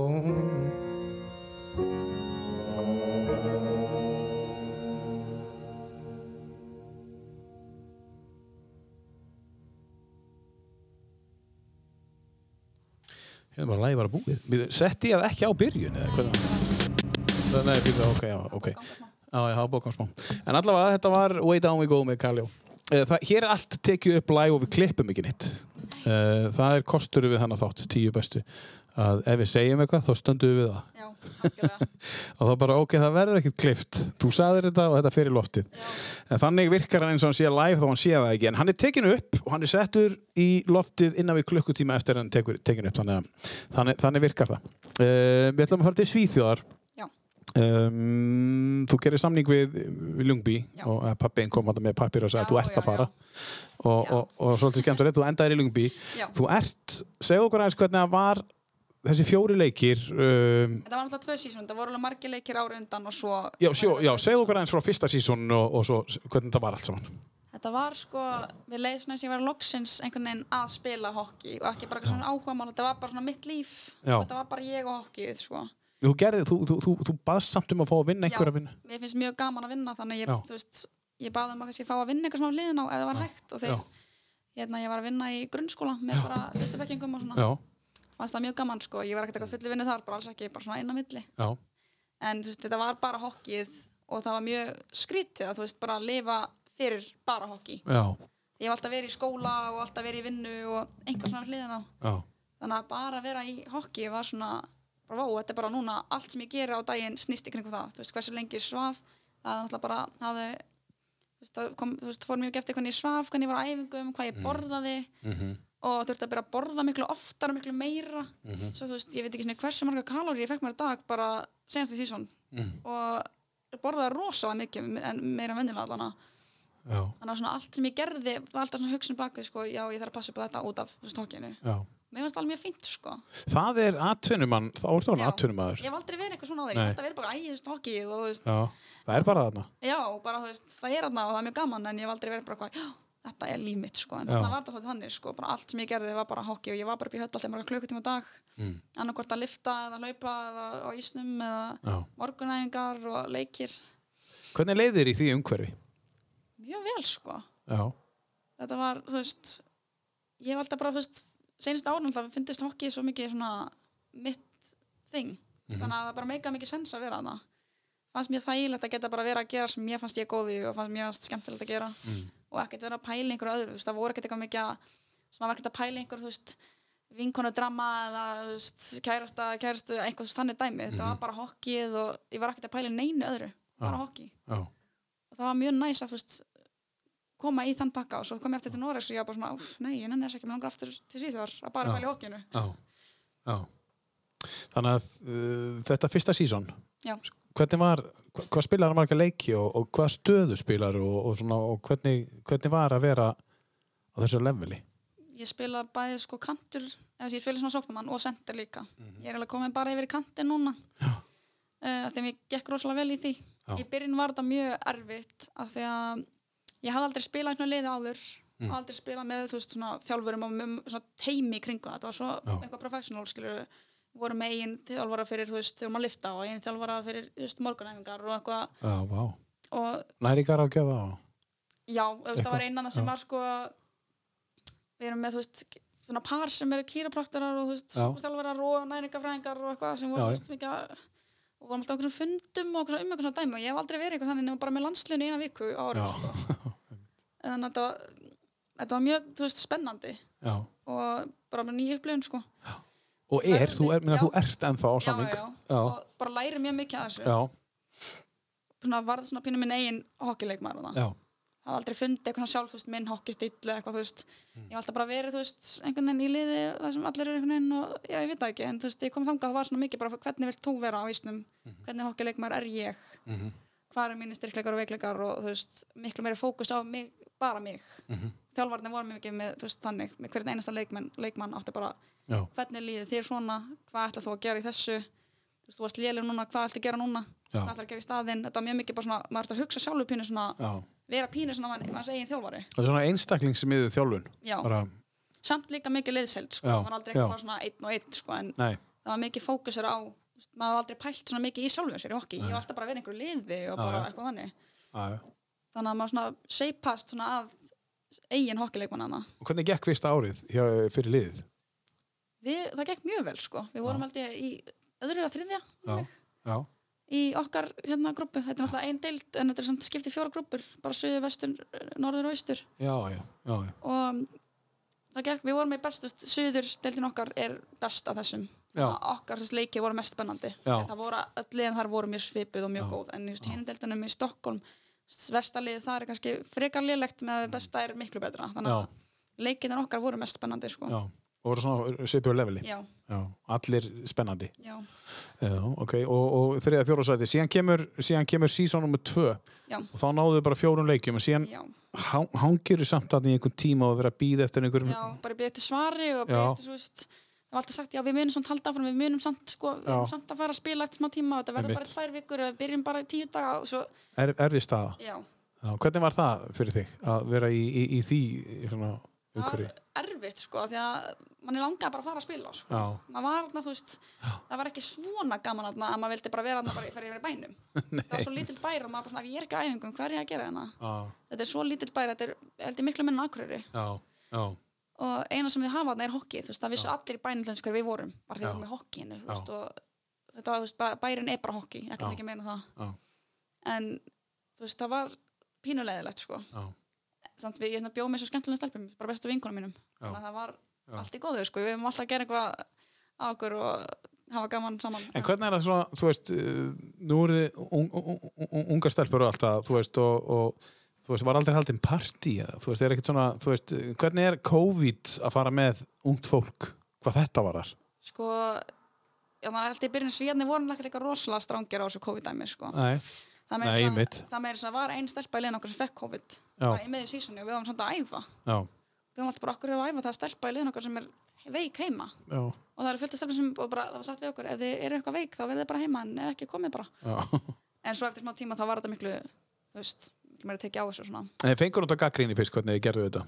Það þeir ætlaði að mynda hjarða óðnami bara Já, með að láta já, alla að já. fá þetta Úff, bara. þetta var alveg rosalegt sko Já. en hérna við, jú, við þjálfarinn okkar voru alltaf að segja okkur að gera einhver saman og halda einhver partí og voru að íta mikið undir það sko þannig að og við vorum með partí í viljuna við þrjá stelpunar Já, rosa stórt og nýtt hús og þú veist við vorum með svona borðtennisborð einhvern svona þannig dæmi og Já. þetta var bara svona einhvern veginn þetta var bara býð eftir að halda einhver partí sko já, sem að koma aldrei. jú, jú, við heldum þú veist þau þrjú eða eitthvað Já, bara liðið sko. og það var alltaf lægi, þetta var bara liðið við vorum alltaf saman alla Mm. daga mhm. þú veist, við borðum saman, við æfum saman við vorum inn í sem litla klefa alltaf bara Mhm. mm veist, en En allar stelpunar sem voru þarna, voru þær allar á þessum atvinnum hana, þær voru ekki að gera neitt annað. nei, sko, samt, það voru alveg margan í skóla og Já. þú veist, vinnu og Já, já. það er alltaf þannig í hvern hokki þú, veist, þú getur eiginlega ekki lifað á hokki allan Já, ekki lengi ok. þú mynd aldrei geta orðið bara professional leikmaður og bara verið þarna að eilífu Þú veist, það er líkunar eru bara, það eru ekki líkur eiginlega. þrátt fyrir að þetta sé svíþjóð og þetta sé svolítið stórt sport og svona þjóðarsport sko, sta- efsta deildin er, heitir SJL það er fyrir konur sko það er deildin fyrir ofan okkur Já.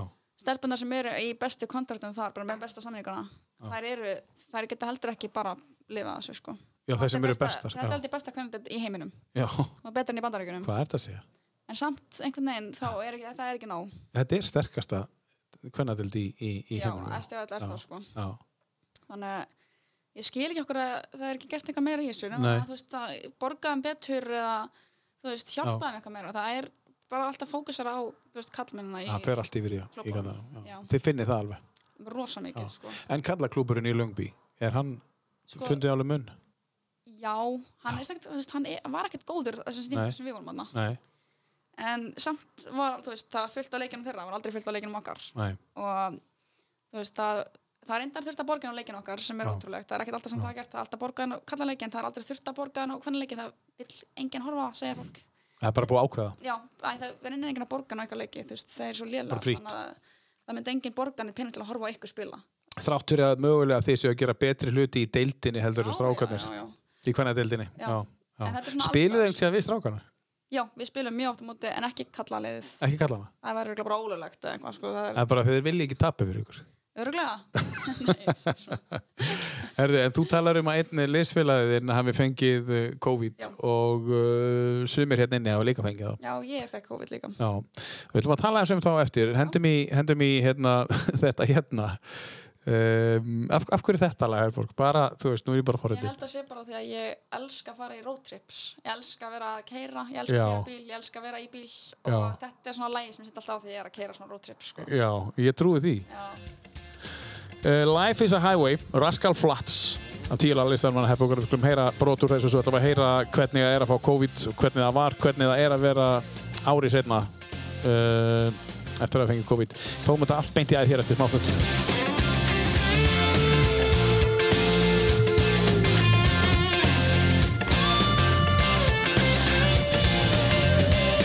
Life's like a road that you travel on. when There's one day here and the next day gone. Sometimes you bend, sometimes you stand, sometimes you turn your back to the wind. There's a world outside every darkened door where blues won't haunt you anymore. Where the brave are free and lovers soar. Come ride with me to the distant shore.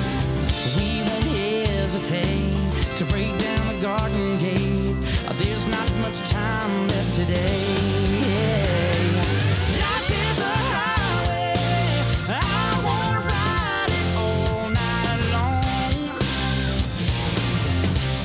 If you're going my way, well, I wanna drive it all night long.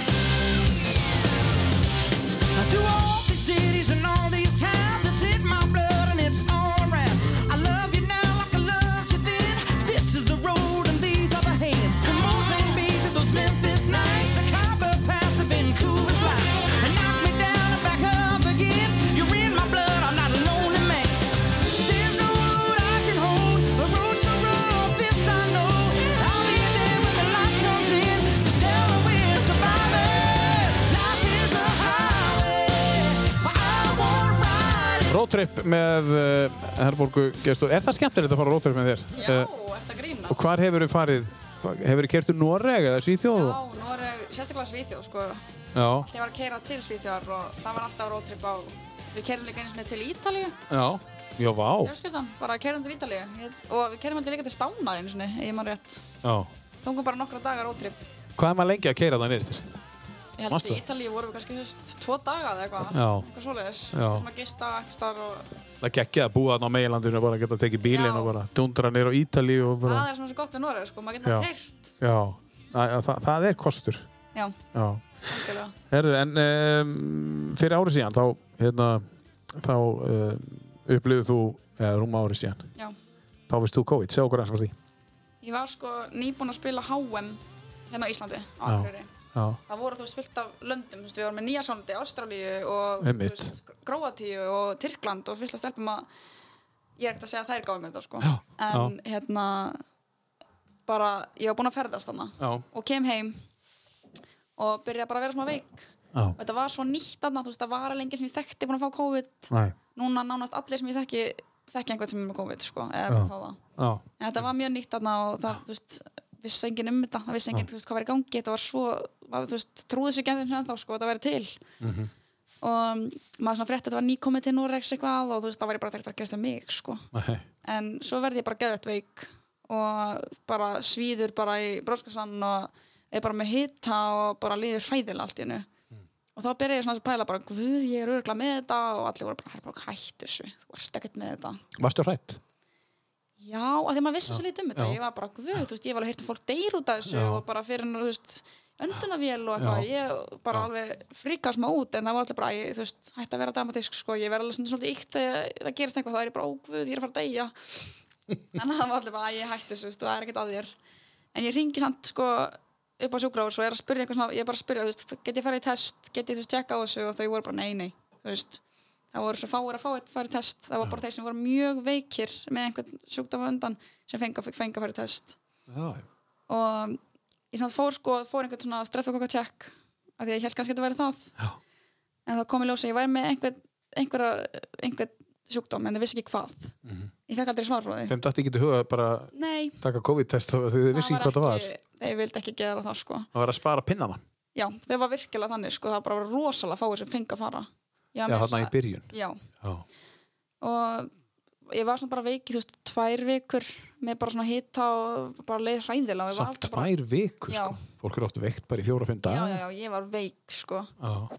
og sýsti minn var það svo líka samt ekki henni í fjölskyldunni, við vorum líka alltaf bara tvær hann niðri, þú veist, við erum að tekja við húsi við vorum alltaf tvær svona í kringum Já. hraðra og erum alltaf saman, já, þannig að hún var líka svo veik nákvæmlega eins og ég og ég- þú veist, ég misti náttúrulega bara lyktarskinn, bræðskinn um, og ég fekk það, þú veist, ekki fyrir en bara mánuði einum hálfu mánuði, tveim kannski setna mm. það var ótrúlega leðilegt, bara gæti ekki borðað neitt og fannst allt vond og fann ekkert bráðaninu og hvernig, hvernig virkar það? Ég meina, þú veist, hvernig- þú veist, þú ert að borða drekka bara það sem eitthvað sem þú ert að vera að drekka bara, bara, það kom ekkert bráð, það var bara ekkert það er bara ekkert svo bráð, bara eins og þú sett sorglegt, með brjála kvef bara, já, þetta er vissi alveg braskið. hannig sko, bara, Já. það kemur ekkert bráð og þú veist, maður er að býða eftir því og bara, nei og í svona langan tíma svo langan tíma, alltaf langan tíma Af því maður var alveg, þú veist, ég með leiði alveg vel þarna en ég samt fann ekkert neitt bráð Mm, mhm. og ég var alltaf bara, ég veit ég verð með COVID og allir bara, nei, þú ert bara eitthvað, þú veist, slöpp skilur, þú veist, þetta er bara, það er bara eitthvað flensa og hvað, en svo var hverji voru að segja það við? bara fjölskylda mín og vinur mínir og já, alltaf- bara,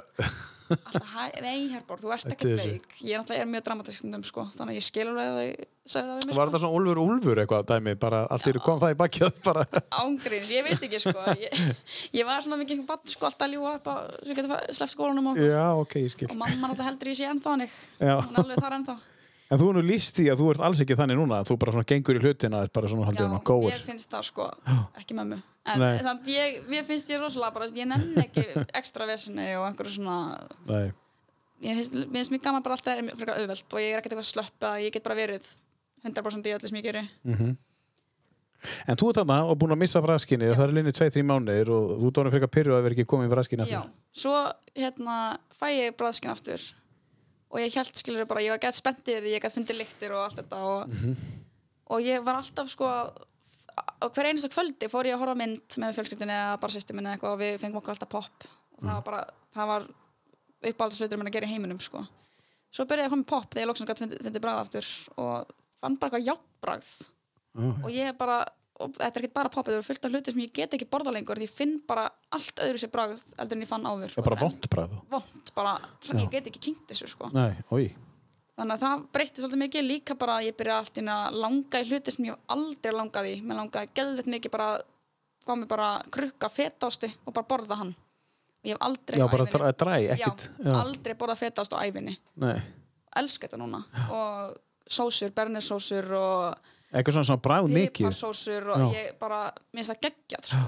En ég gæti aldrei, ég var svol, svolítið matvand áður núna- Borðar ekki bernesósu? Nei, Hvað það er að frétta? hræðilegt, sko. Ertu vissum að bræðskinni hafi ekki einfallega bara komið eftir Ég COVID? ætli það ekki, sko. Frekar, Sumt er náttúrulega alveg eins og bráðið, en þú veist, það er mjög margt sem ég bara þurft að hætta að borða og byrja að borða og Já. breyta öllu, sko. og hvernig er þetta í dag, núna ári setna? Er það, Þetta er alveg svipað og þetta var bara þegar ég var að byrja að fara branskið aftur. já, ok Mér finnst það samt alveg betra heldur en verð, sko, þegar ég byrja að borða mér í fullorðismat og svona, og ég var allt svo barnaleg þegar ég var, þú veist, bara áður. Hvernig þá? Hvað varst að borða? Hvað er barnalegt að borða? bara aldrei þetta sósur og neitt og Já, aldrei eitthvað svona juicy salad ég fannst það hræðilegt, ég vildi bara fá tómataskilur já, ég skil, ég skil. núna er ég meira þú veist að fá mér svona fullónusleiri mat Já, þú dónir fullorðni. já, Þú dónir fullorðin. ég er eina allana Uh, ok, þannig að þú ert að- ennþá að berjast við bræðskinnið og, og hérna, en hvernig var, eh, þú veist, hvernig, er ykkur önnur eftirkost eftir þetta? Annað en, uh, þú veist, hvernig þrek og þól og svona?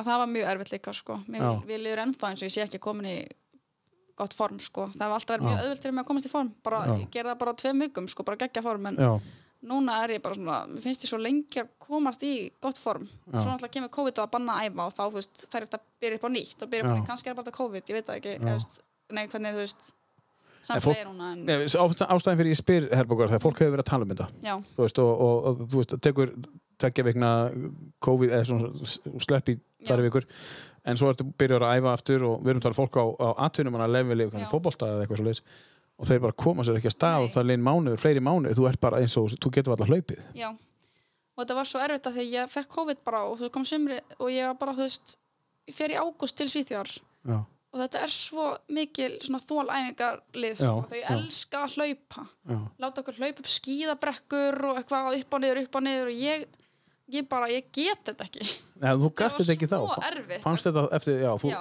þú vilt öldunin var bara ekki alveg annars sko Nei, en ég náttúrulega gerði þetta og bara eldur sem aftur á eitthvað, ég veit ekki, þú veist, bara komið í gegnum þetta en þetta var miklu erfin að heldur en þetta hefði verið áður, áður sko já, og, og þú einhvern veginn komst þér í gegnum þetta en, en, en, en þólið, jókst það já, þú veist, mér fannst bara þóli vera allt öðru heldur en það átt að vera já, Þú veist, bara, og ég mér finnst það ennþá í dag sko, ég er á æfingum en það með þess og ég er svona bara úff, ég, þú veist, ég hef ekkert meira að gefa bara stoppar, já, já, já. Sem, þú- sem þú áttir kannski meira inni áður eða? já, Já. fyrir COVID, þetta er náttúrulega bara eitt ár já já. þannig að þú getur dreigið þetta til sjúkdómsins eða, eða já, það sem þú ég held fjast já. þetta sé það sko Já, þannig að þú myndur ekki segja að, að, að, að það ætti að mæla með því að að, að, að flest allir ætti að reyna að fá hana sjúkdóm og, og já, mynda það er alltaf bara, ó ég er svo öðvins úr með mótefni og Já. ég vilt að ég hef fengið þetta og Já. ég bara, sko, minn, nei já, einmitt, ekki, já, sko. að þú segir bara nei Já. Herðu, uh, hendi mér lag með uh, þessari s- frábæra söngunum sem að semur uh, allt sjálf að mér skilst og, og er frábær í alla staði. Þetta er eitt af fyrstu lögunum sem hún gefur út og uh, akkur er þetta á listanunum? Er það... þetta er bara svo fallegt Já. og ég finnst þetta eitt af bestu ljónum hennar Já. Spilar á píano? Kantan píano? nei, bara smá eitthvað sem Já. ég lærði sjálf en ekkert eitthvað nótörun þetta hann þetta mér sko Getur þú spilað þetta? nei, öruglega ekki, Nei. skif ég æfið mig smá Já. Ætlum að heyra hérna í Alicia Keys uh, If I Ain't Got You af plötunni The Diary of Alicia Keys. Some people live for the fortune. Some people live just for the fame. Some people live for the power, yeah. Some people live just to play the game. Some people think that the physical things define what's within, and I've been there before. But that life's a bore so full of the superficial. And some people want it all, but I don't want nothing at all. If it ain't you, baby, if I ain't got it, you, baby. Some people want diamond rings, some just want everything, but everything means nothing if I ain't got you. Yeah. Some people search for a fountain. The promise is forever young. You know, some people need three dozen roses, and that's the only way to prove you love them. Hand me the world on a silver platter. And what good would it be? With no one to share, with no one who truly cares for me. Some people want it all, but I don't want nothing at all. If it ain't you, baby, if I ain't got it, you, baby. Some people want diamond rings, some just want everything, but everything means nothing if I ain't got you, you. Alicia Keys, If I Ain't Got You í tíu bestu. Hér hjá mér sittur Herborg Rödd Geirsdóttir, eh, við kallum hana landsliskonu og, og, þú ert aðtunumæður í, í Ísóki og eh, þú ert á samningi á Lyngby. Hvað er hann langur? Hvað, eh, hvað ertu lengi? þetta voru sko þrjú ár eða Já. þrjú sísón Og hvað ertu búin? Þú er búin með tvö? já, en ég á eitt af þér ef Já. ég vil, þú veist, þetta er ekki eitthvað svona sem ég þarf Nei. ég get alveg sagt, nú vil ég ekki halda áfram lengur Já. En hvað langar þig að gera? mér langar náttúrulega að halda áfram í hokkíinu Já. en ég veit þetta ekki hvort að ég vil vera þarna aftur ekkert út Nei. af, ég er alls ekkert ósátt með klúbin en ekkert, Nei. ég elska hennar stað og elska þjálfarana og liðið en ég veit það ekki, mér liðið bara eins og ég þarf kannski að fara að pæli meira þú veist hvað mér langar að gera á leiklist og Já. prófa kannski einhvað þannig Já. líka Já. Og vera á einhverjum beis og á einhverjum stað þar sem þú getur sint báðu. já, Já. helst sko Já. Og þá myndur vilja læra leikarist, ef ef þú kemist inn í Reykjavík, segjum það bara. Það er björnin eða eitthvað svona, e, eitthvað svona þá myndur Já. bara flytja sögur. Já. Bara svona, með þetta sami. já, ég hef alveg pælt í að þú veist ef ég myndi vera á Íslandi að þú veist spila fyrir liðin í Sví- eh, Reykjavík Já. Já. þetta væri alveg mjög gaman sko Já. þó að ég sé svona essa manneskja Já, já. en alltaf verða það en Já. þú veist, af hverju ekki Já. Hvað áttu marga Íslandsmeistaratitla? Náður einhverjum Íslandsmeistaratitla voru hún fórst? Nei, nei, ég var náttúrulega allu sko Já, og, þær eru alveg með nokkra núna, þær eru með mjög margar sko. já, voru að vinna bara um fimm, þreim vikur síðan já, og kallarnir líka. já, Þannig að Rúnar F. þjálfarinn, hann satt hérna, þess að þú situr, og hann, hann á einhverja 16 titla eða eitthvað.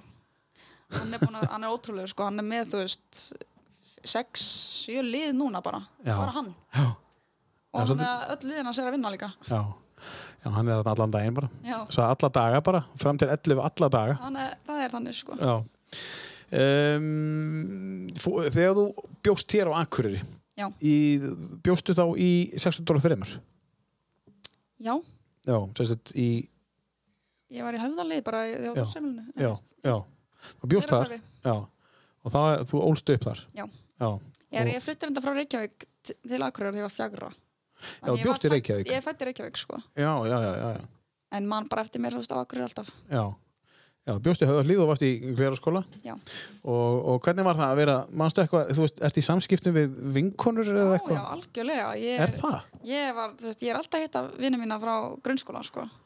Það er svoleiðis? Já, Þetta gerist ekki oft þú veist, þegar maður er bara frá fyrsta bekk sko. Nei. og er ennþá vinni núna þegar maður er tvítur en það, ég held að ég sé bara ég held svo mikið í vinni mína á Akureyri Já, að ég svona sleppti þeim aldrei Just, ég hef Já. alltaf bara, vildi alltaf hitta þegar ég kom til Íslands og já, vildi alltaf hitta alla vinnina og ég er ennþá þar í dag sko. við erum oft bara búin að hittast núna já. bara við bekki sýstinnar og þú veist Já, höldum síðan þú að komst. Já.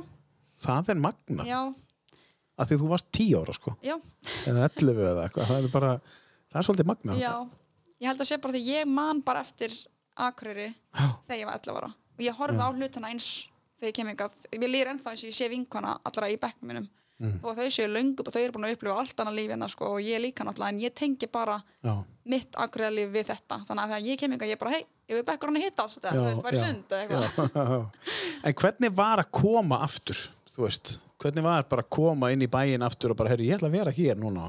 Já, Hvernig ég, er er nefnilega- tilfinningin? ég held ég myndi fá fljótt leið á þessu sko. Já. Því ég hef alltaf verið þannig, ég kem heim svona bara að ég, það er búin að leiða leiðin vika, ég vil fara heim til Noregs Já, en nú kom ég hingað og bara fór strax í óvart fekk þrjár vinnur og bara Já. í hokki og þú veist, bara býði hjá bestu vinkonum minni þrjár vinnur, Já, Þú hefur ekki var- látið það var eina- alveg óvart sko. eina svona næja bara. ég, Nei, ég náttúrulega er eh, eins og mamma og pappi, þau eru rosalega mikið vinnufílar sko, og við elsum að vera í vinnunni Já. Og ég tengi alveg við það en já, það var miklu skemmtilegur en ég held mér finnst Já. svo gaman þarna. ég er alltaf í góðu skapi og, Já, og alltaf að gera eitthvað já, ég hugsa bara hvað er þetta að gera og akkur er ekkert að gera en Mhm. ég er alltaf einhvern veginn á ferðinni og ef ég er ekki í vinnunni þá er ég þú veist, í sundi eða ég er þú veist, að gera eitthvað með stelpunum og þú veist á æfingu já. og, Stelpunar, er það þá gömlu vinkunnar, hérna úr grunnskólanum? já, bæði og sko ég er með gamla vinkunir frá Já. hokkíinu Já, við erum búin að spila hokki alla saman bara sem við vorum smákrakkar Já. og svo er ég líka með vinkunir bara frá skóla, Já. grunnskóla. já.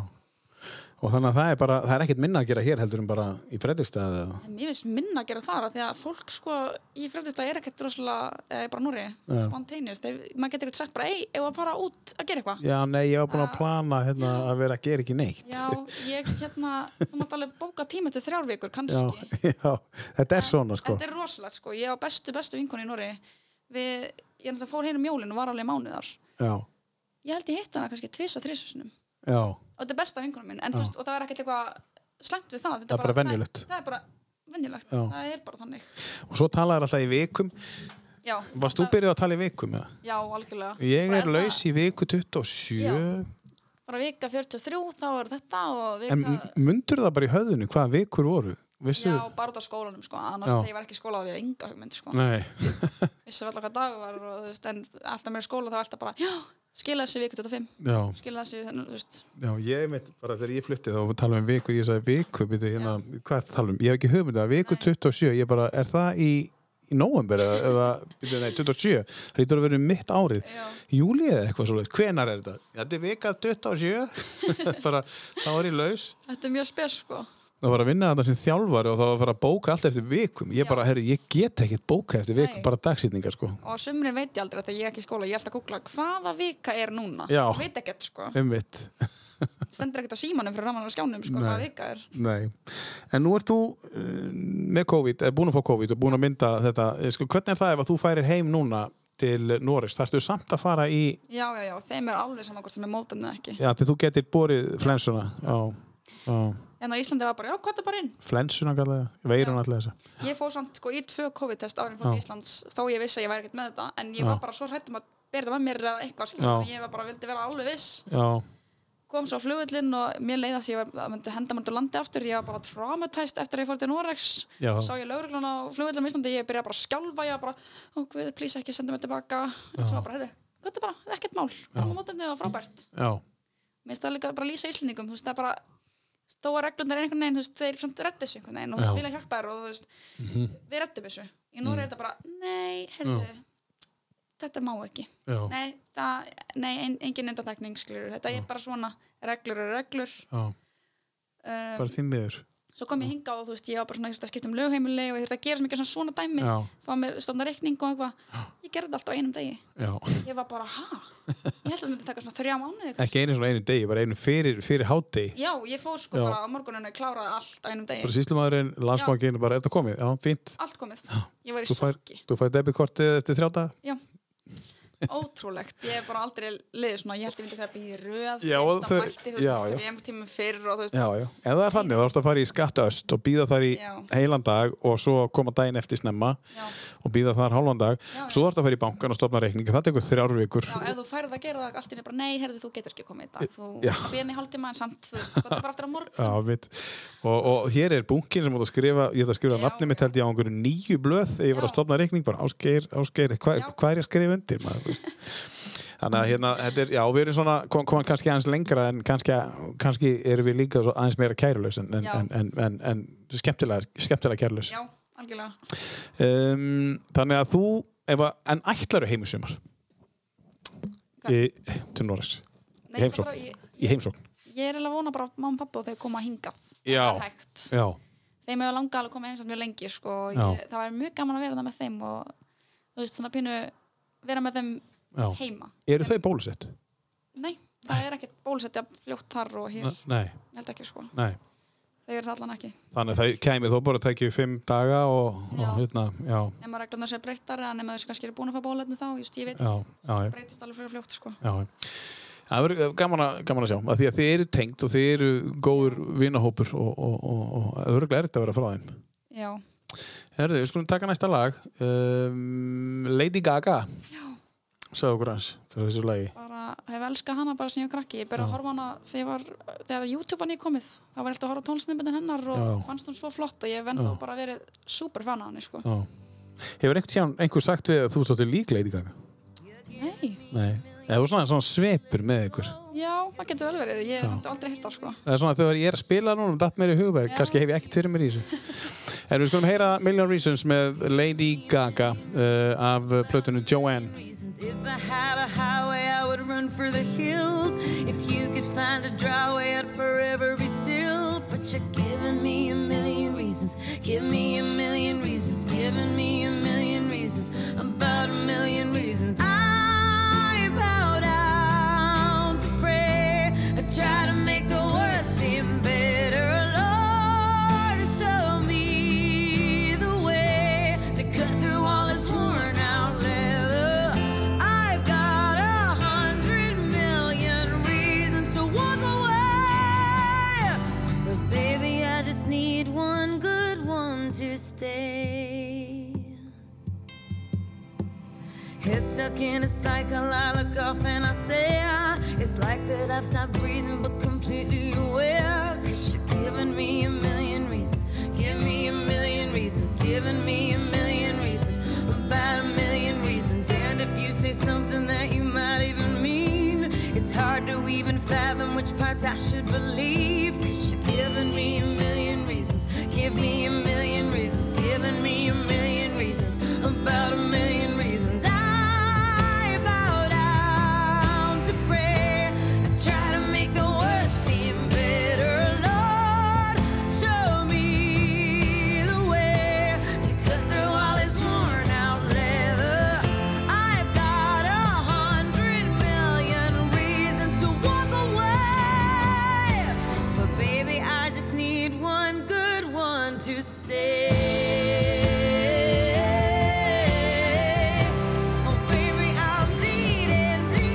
Million Reasons uh, texti í þessu lagi eða er það lagið eða Ég bæði held að sé feelingurinn sko fílingurinn, já, hún er Já. rosalega góð að gera stemmingu í lögunum svona. já, já, já, samt líka mjög falleg texti já, einmitt, einmitt.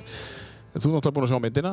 já, algjörlega þetta er líka go to karaoke lagið mitt sko ef ég er að syngja karaoke þá Er tekja alltaf það? þetta lag já. Kanntu textan utan það bara? já, ég held það, ég hef aldrei pælt í því ég En held... sko snýrðu þau frá skjánum og út í sal og bara, þú, og Já, textin og já, skjánum. ég, það er svo karaoke þannig. bar í fredist ég fer á hann og þá tek ég sjó sko, ef ég er búin að drekka nokkra þá, þá er ég að halda tónleikar sko Frábært, það er bara, það er þú ert alveg þekkt í Fredrikstaða. nei, nei, nei, Já, og þá tekur þetta lag.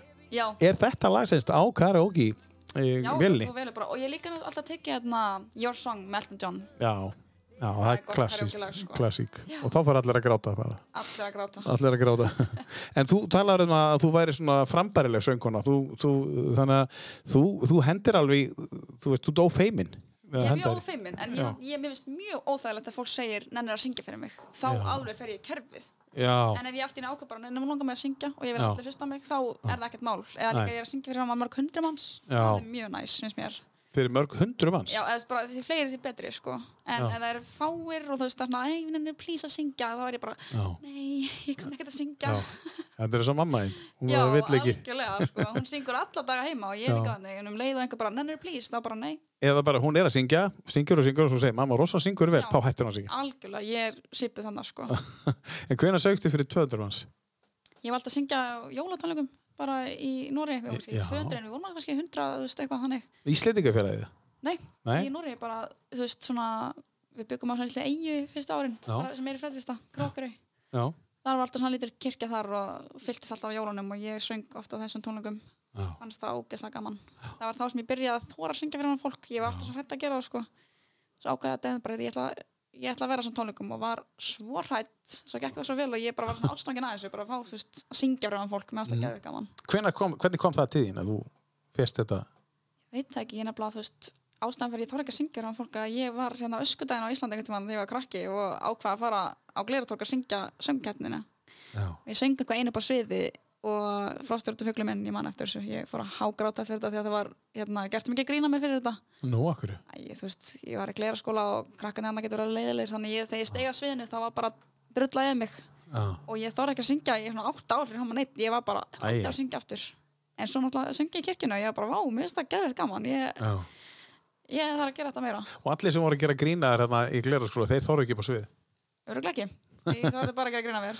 En þetta er ótrúlega hvað þetta getur setið í manni lengi þegar maður Já. fær eitthvað svona sérstaklega þegar maður er á einhverjum sérstökum aldri. Já, líka bara ótrúlega hvað ég man vel eftir þessu. Ég var öruglega bara svona, Já. þú veist, sex ára eða eitthvað. Man rosalega vel eftir þessu. Já, þetta er eitt af þessu svona, þetta hefur meitt svolítið. Já, Já. rosalega sko. Þannig að við mælum ekki með að þú gerir þetta eða þú ert að hlusta. Að fara að meiða viljandi eitthvað svo það er bara leðilegt. Og þá ertu bara leðilegur. Já. Um, uh, við vorum að tala um hérna s- svolítið atvinnumannaferilin, þú veist, í, í Svíþjóð. Svo, svo áttu líka svolítið góðan landslýsferil. Já. Hvenar, hvenar fórst í landslið? Hvað varstu sko komin? fyrst í kvennalandsliðið 15 að vera 16. Já. Það var fyrsta árum mitt og það haldi hérna á Akureyri Mm -hmm. uh, sem var mjög gaman af því að það var alltaf bara full höll Já. og mjög stressandi, ég haf aldrei spilað á landsliðileik áður og svo voru þú veist, Nei. mörg hundri manns að horfa á mann og Já, halda með manni og ég, sem, sem ég sagði á hann, ég var aldrei eitthvað rosalega góð, ég var aldrei eitthvað svona stjarnar sko. Þér fannst það ekki? Nei, ég var þetta samt ekki Þú varst það ekki? Nei. Ok. Vist, ég var mjög efnileg í sumu, ég var alltaf mjög hröð og mikinn persónleika á ístum, ég held að þessna sem ég komst í liðið, því ég var bara mjög hröð og ákveðin, en ég var aldrei eitthvað svona tæknilega góð, ég kunni ekkert að skjóta, ég var, ekkert, þú veist, ég var ekkert, svo bestu vinkunum mínar sem eru, þú veist, einu tömur aldrei en ég, þær voru rosa góður, bara komist fyrstu línuna fyrst og, og eru, þú veist, bara að vera, vera góðar allar sinn fyrir. Ég var léleg, fannst mér, eða, fannst öðrum og Ko- mér. Komast í fyrstu línuna? Já, það er sko fjóra línur í hokki. Það er fyrsta línan og annir sem er ofta svona mest notu línunar og mest svona efnilegu eða þú veist, skapa mest. Já. Ekkert endilega, það getur líka alveg verið þriða lína eða fjórða, en það er bara ofta skilur svona þetta er horfbind hann á þetta sko. Já. Og þú veist, þriðja og fjórða lína er líka mjög mikla línur en þær eru ekki, held ég, að skapa jafn mikið. Ok. Um, en ég náttúrulega, þú veist, ég, held- ég komst ekki eins og í fjórðu línuna fyrsta árið mitt. Ég var alltaf bara á bekknum svolítið mikið og ég spilaði svona inn á milli Já.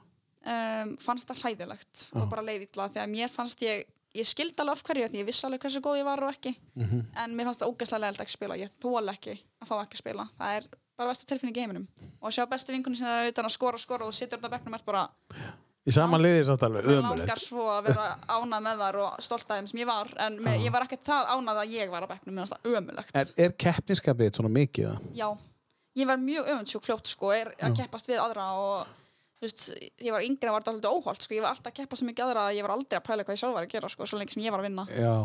en núna er þetta, þú veist, ég er alltaf bara að þroskast úr þessu sko, ég er alveg svona, ég verð alveg öfundsjúk og pyrruð ef ég fæ ekki að gera eitthvað en ég er samt á hollari hátt Þú tónum fullóri, fann hann bara sósur og, já, og, og hérna Ernest og læti bernes og leiti, sko, þannig að þetta kemur með því. já, En finnur það að þú ert að fullónast? Finnur maður það svona, Já, þú veist? bara eftir að ég flutt aldrei frá fjölskyldinu minni þá, Já. þú veist, ég byrja ég vil fá eins litla hjálp fræm að ég get, þú veist, fólöldum minnum og vil bara gera þetta sjálf Já. ég er svolítið svona þrjósk þegar kemur að því Já. og þú veist, um leiðið ég byrja að gera það þá einhvern veginn þú veist, ég er alltaf svolítið, þú veist, barnaleg bara hvernig ég er og þú veist, húmor og svona þú veist, þá get ég alveg verið svolítið barnaleg en samt þróskast mjög mikið, þú veist, á annan hátt, Já. Þú finnur það alveg. já, Já. mjög mikið, sko Já, það er frábært. Og, og, og þú, þú meinar að það hefur verið að koma hingað eða að fara til Já, Svíþjóðar og svona, já, algjörlega. og þurfa að standa einn Þú fótum. veist, og líka bara eins og í landsliðinu, þú veist, Já, bara ár, þú veist, ég, mér varst gaman með, með landsliða í hverju ári þá þú veist, hækkaði ég um línu eða ég Mhm. fekk meiri hlutverk og ég var stærri partur af því og núna þú veist eins og senasta sísón þá var ég að spila með þessum tveim bestu vingunum mínum sem ég leit svo upp til já, og sem þær, þær voru alltaf svo miklu þú veist, efnilegri og stærri og sterkari og svo senasta háum okkar þá var ég í línu með þeim og við vorum þrjá að spila og með, Mhm. þú veist, vartamennum okkar og vorum að skora mörg saman og þú veist, mér var svo gaman að finna sjálf bara vá hvað ég er búin að fara mikið fram Já. á þessum árum einmitt. frá því að ekki fá að spila eitt leik og núna vera partur af þú veist, þeim sem ég fannst svo flottar og góðar áður og sem eru nátt- náttúrulega ennþá og eru bara að verða betri og betri og það er svo gaman að vera partur af því sko. En myndur þú þakka að hluta til uh, bræðrunum í Lungby og, og teiminu þar fyrir það eða ef þú hefur haldið áfram að vera í Sparta, uh, Sparta Warriors í, í hérna, Fredristad, heldur þú að það eru upplegað jafn mikil, mikil, mikil vöxt? Nei, nei, nei, nei, nei. það var, vöxturinn minn var svona að stoppa senast Já. að sísunum mitt í Norri ég var sko með bara heimsins besta þjálfarðar hún er eitt af bestu landsleiskonum sem Norri er búin að vera með Já, en hún hætti og já, eftir það þá hætti skilur ég að verða betri eðust, Já. mjög lítið, ég fekk að vera með strákunum það hjálpaði mér mikið en Já.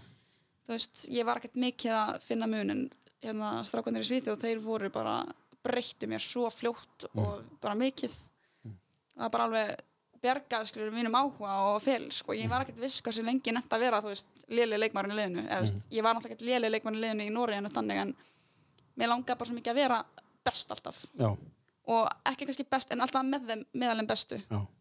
Og varstu tilbúin að leggja á þig allt til þess að verða best? já, ég líka þurfti bara að gera þetta í Já. Svíþjóð mér langaði að láta taka eftir mér þá bara, ég þarf að byrja að sofa og ég þarf að byrja að borða og ég þarf að æfa og ég þarf að hugsa af hverju þú veist, flestir sem æfa íþróttir er oft bara hvað, ég er bara frá æfingu af því að ég er frá æfingu og þarna var það svona, af hverju er ég að gera þessa æfingu og ég ætla á þessar æfingu ætla ég að gera geðvett mikið af þessu hér og ég ætla að- ég var geggja sko sem ert að pæla svo mikið í litlu dítrunum sem maður pældi ekkert í áður ekki það að segja eins og öllum en mér langar til þess að spyrja þig eftir næsta lag aðeins dýpra í þetta hvaða er sem að þarf að gera, hvað þú þurftur að gera nákvæmlega sem við förum að stýpra í sko svefn og, og, og mataræði og, og, og drikki og einmitt annað.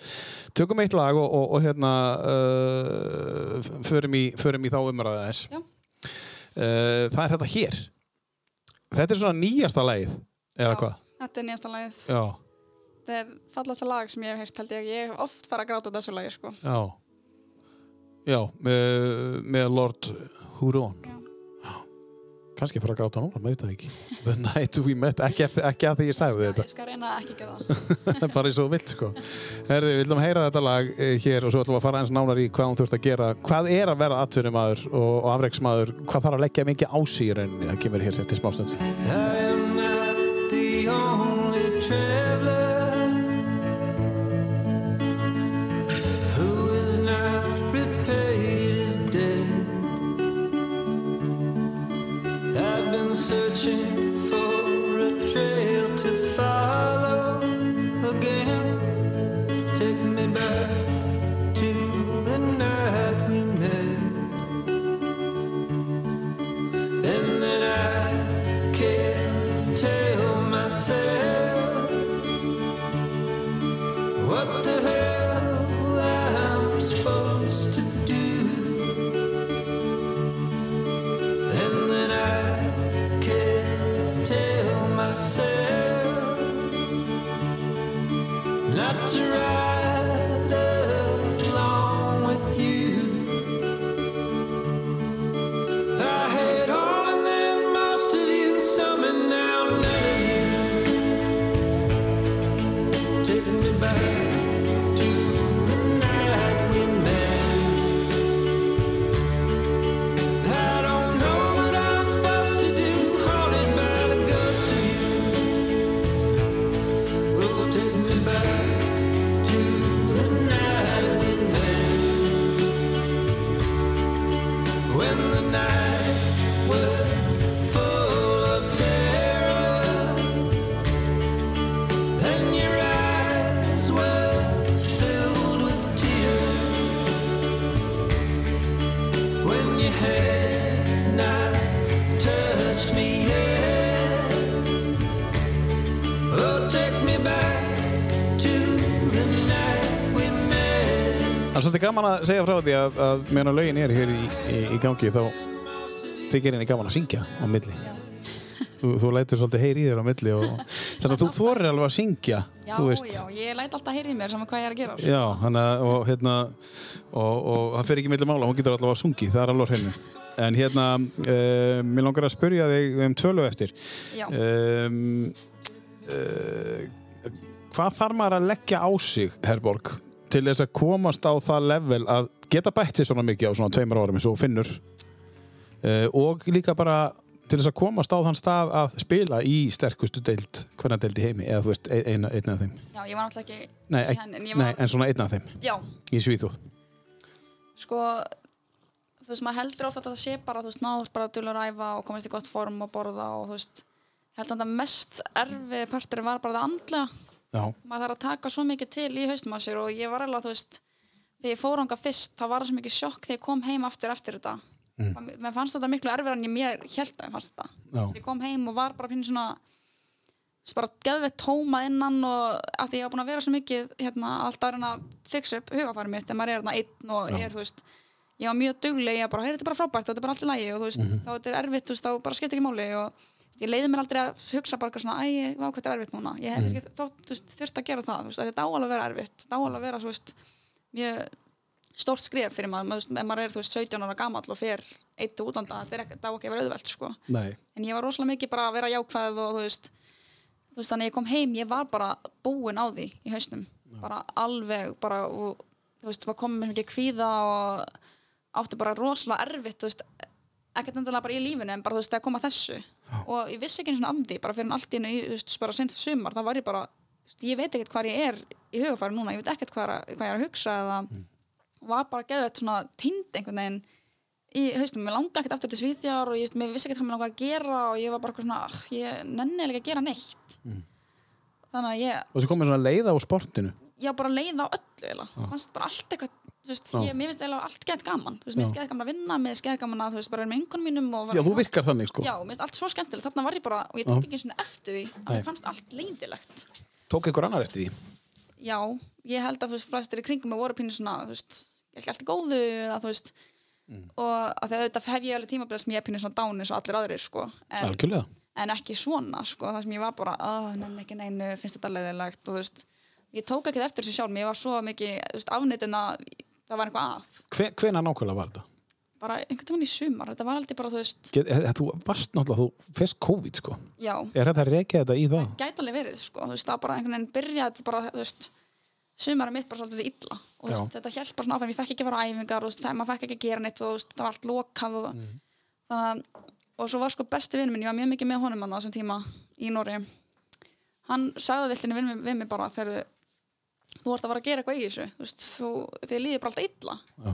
ég bara, eitthvað, nei, mér líður ekkert illa og ég er alltaf að gera eitthvað gaman og alltaf að gera eitthvað og þú veist, Hvað varstu þá að gera sem að þér þótti að vorum bara, þú veist, það var bara djam og þú Já. veist, og bara fara í bátaferðir og bara Já. á kaffehús ég var alltaf að einhverju, þú veist hann hefur bara séð það á þér Já, ég held að ég var mikið að að gera alltaf hluti ég var aldrei heima með mér, Eða ég held að ég var alltaf bara svona að reyna að koma haustum minn einhvern annar stað í stæðan fyrir að vera þú veist, leið eða eitthvað Já, Þannig að einn daginn þá kerði mig bara til sálfrængs hann bara, þú ert að fara inn núna og þú ert að fara að ræða málin og ég var bara, "Ugh, ræða málin en ekkert að mér, skilur svo þannig að það kom hann ljós, þú veist, ég ákvað bara, ok, ég kýla bara á þetta, þú veist, kannski finnst mér þetta geggja næs, ég veit það ekki svo fatta ég bara, þú veist, þegar ég var bara að tala við hann bara, hvað ég væri búin að vera með kvíða í mörg ár, veist ekki allir þannig séð og sem er náttúrulega, þú veist, allir er náttúrulega með kvíða sko, en ég var bara að byrja þú veist, að hætta að reyna stjórnunum þú veist, það var bara að byrja að koma út um allt og þú veist, bara eins og maður bara heldi kaffiballan niður það var bara að koma út um allt og ég vissi ekkert hvað þetta gera við þetta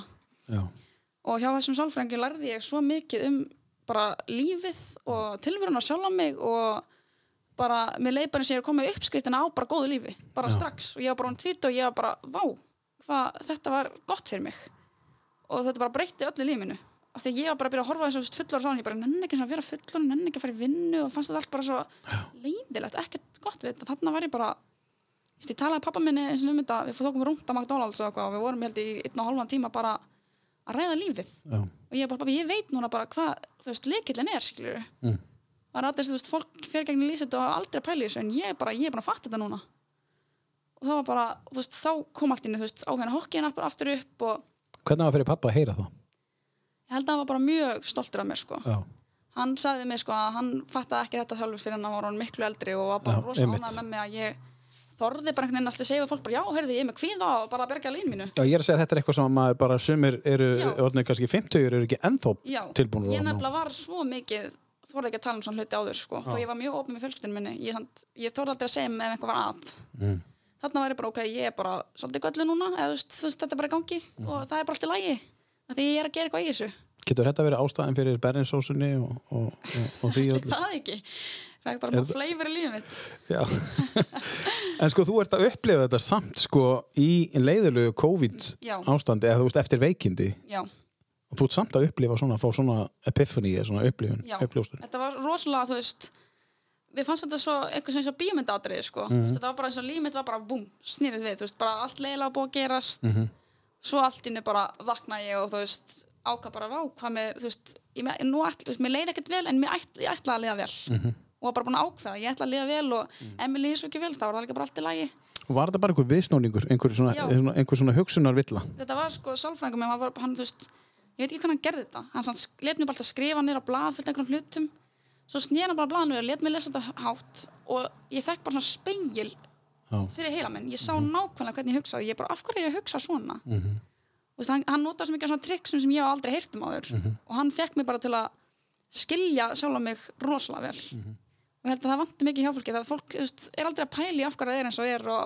okkur þú veist, lífið þeirra er eins og það er og þannig að núna er ég bara þú veist, ég er alltaf að pæli af hverju ég hugsa sem ég hugsa ef mér líður illa, þá bara ok, mér líður illa af hverju líður mér illa og hvað langar maður að gera í því og þú veist þess vegna var sví- sísoni í Svíþjóð senast miklu betra já, af því að þarna var ég bara ok, mér líður ógst illa þá ætla ég bara að fara inn í herbyggja að gráta með einhverjum minni þú veist, ég var í Svíþjóð fyrsta sísoni var ég bara nei, ég er að gera þetta ein, ég er að gera þetta sjálf ég ætla að gera þetta vel og ekkert, ekkert að já. þannig að það var náttúrulega erfiðsti parturinn bara þú veist að ná einhvern veginn að var stoltið að fara með það ha, var stoltið að fara með Já. það svona. Já. ég var svona, það, það er aldrei neitt að hjá mér þú veist, ég er alltaf, þú veist, góð þannig að ég einhvern veginn byrjaði að, þú veist, bara fatta ok, ég vil að hafa gaman í Svíþjóð og gera þetta einn og þú veist, komast langt í íþórtinni, þá verð ég að hafa hugan með mér, sko Mhm. og vera bara sterk þar frábær orð uh, þannig að þú vilt meina að uh, þetta sé ekki æfingar, borða holt, drekka mikið vatn sofa, en þetta ég er náttúrulega and, það líka, sko, já, já, en sko, þú vilt þú vilt meina að þetta sé, þú þarft að taka andliðu hliðina já, fyrst af alltaf, því að þú getur ekki æft, þú getur ekki hlaupið endalust og okkur svona, eða þú ert ekki með hausinn rétt til algjörlega. en maður veit fara langt, þú þarft að vera sterkur hana þú ert ekki að fara neitt nema þú ert þú veist, með hausinn með þér, sko Ég held að þetta sé uh, orð hjá mannesku sem er komin lengra í þessari afrikshugsun heldur en þeim sem eru komin stittra því að þeir hugsa svepp, já, uh, mataræði sem er náttúrulega mjög mikilvægt en Já, já, það er við erum ekki að gera nema lítið úr eitt, því sko. nei, nei, nei. Ég er bara að segja að þetta er svo miklu Já. lengri Þú Já. komur svolítið langt í þessu að, að, að þegar þú ert að stilla hausina þá er það svona að loka það er það sem ég geri í lokin og það sem ég þarf að gera Mhm. Já. þannig að þá verður svefn matar það verður svo easy, að það er bara þannig á leiðinni en ef, að- ef að svefn og matar er það sem er svo ógeðslega erfitt að stilla sko, þú getur ekki einu svona drullast í rúmi klukktíma fyrir ef að það er vandamálið hvernig ætlar þá að laga hausina þér sko, hvenar þetta er, þetta er virkilega góð punktur Heru, hendum í, ég held að þetta lag einu bara hérna ágætlega vel við svona í, í, í kjölfara þessari umræðu fallegt og ljúft lag sem að þú hefur kynst örugglega. þetta kom út Eh, 1992 mann ég uh, er þetta eitthvað, uh, mamma pappi eitthvað Nei, ég held ég fann þetta lag einhvern veginn, ég horfði á einhverja mynd og ég hlusta á það svona þúsundsinnum á dag. Mér fannst þetta að fyndið og skemmtilegt lag, ég veit ekki af hverju. Já, Þetta er eitt af mér upp á slögum, ég veit Já. það er engin útskýring sko. þetta er frábært lag. Hlustar eitthvað meira með síl eða erstu komin að kafa eitthvað í hann eða bara þetta lag? Nei, ég fór ekki í svona obsession sko, Nei. en þetta er samt frábært lag, elsku Já. þetta lag. Heyrðum þetta fína lag með eh, síl, uh, af plötunni síl. became the light on the dark side of me. Love remains a drug that's the high and not the pill. But did you know that when it snows, my eyes become large and the light that you shine can't be seen? I can bring you to a kiss from a rose on the grave. Ooh, the more I get of you, the stranger it feels, yeah. And now that your rose is in bloom, a light hits the gloom on the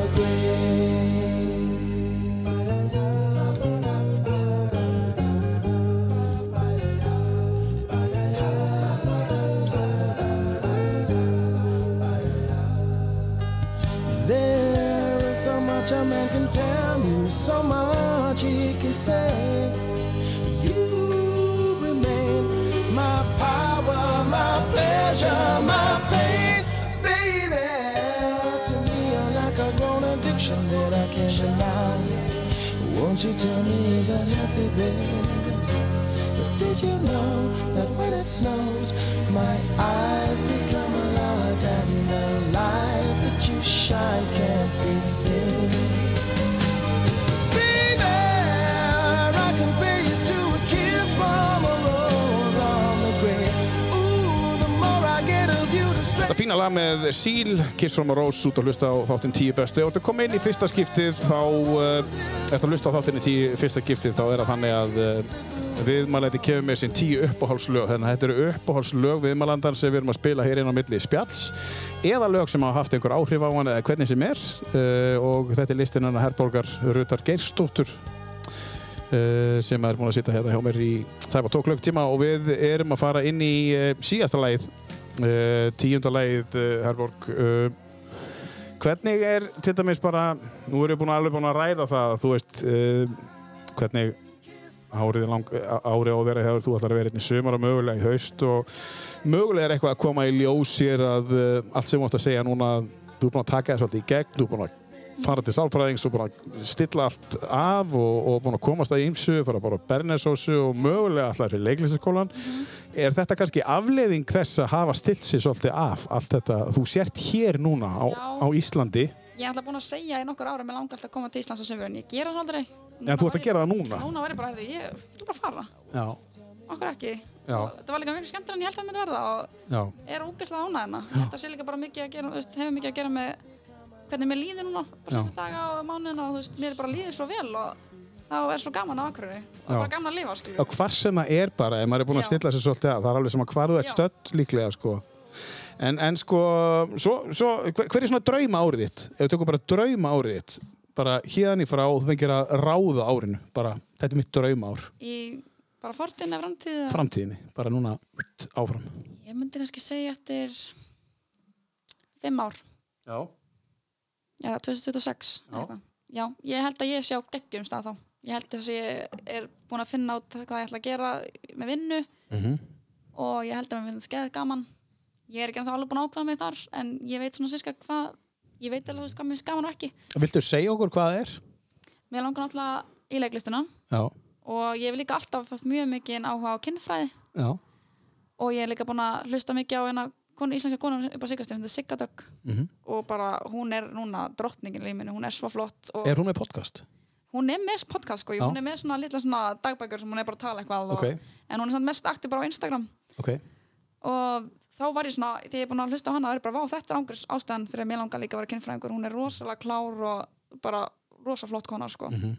en mér hef alltaf langar að gera það eitthvað þannig, eða bara eitthvað í leiklistina og mikið að þú veist það er mikið þarna sem er að draga maður þessum hlutum sko, þú finnst gaman að syngja, Já. þú finnst gaman að það, það er einhver svona menningi, það er einhver svona skapandi Já. uh, herborgana. ég er meira svo að þú veist ég hef alltaf verið mjög svona kreatív Já. og þegar ég fór með sér framhaldsskóla ég ákvað að fara á einhverja listabraut Þú veist, ég lærði bara arkitekt og design og mála og eitthvað Já. ég hef aldrei gert áður en ég var bara, ég prófaði þetta bara og mér gekk bara mjög vel í því Fannst þetta skemmtilegt? mér fannst mjög margt skemmtilegt en Já. mér fannst, ég samt fann að ég er ekki að fara að vera arkitekt í framtíðinni Það er Nei, ekki alveg ég er. arkitekt hljómar í höfðinu sko, þú ert að teikna allan daginn hús eða eitthvað svoleiðis en svo ertu bara kannski að reikna eitthvað út og teikna eitthvað að stöpla og eitthvað, þú veit, það var erfitt mannvirkja Mér teikningar fannst og, gaman að mála, bara mála eitthvað Já. þú veist, bara blanda eitthvað liti og mér fannst það mjög skemmtilegt já, það er kannski ekki, ekki mitt passion í lífinu en ég Nei. er ána að ég prófaði þetta já, já.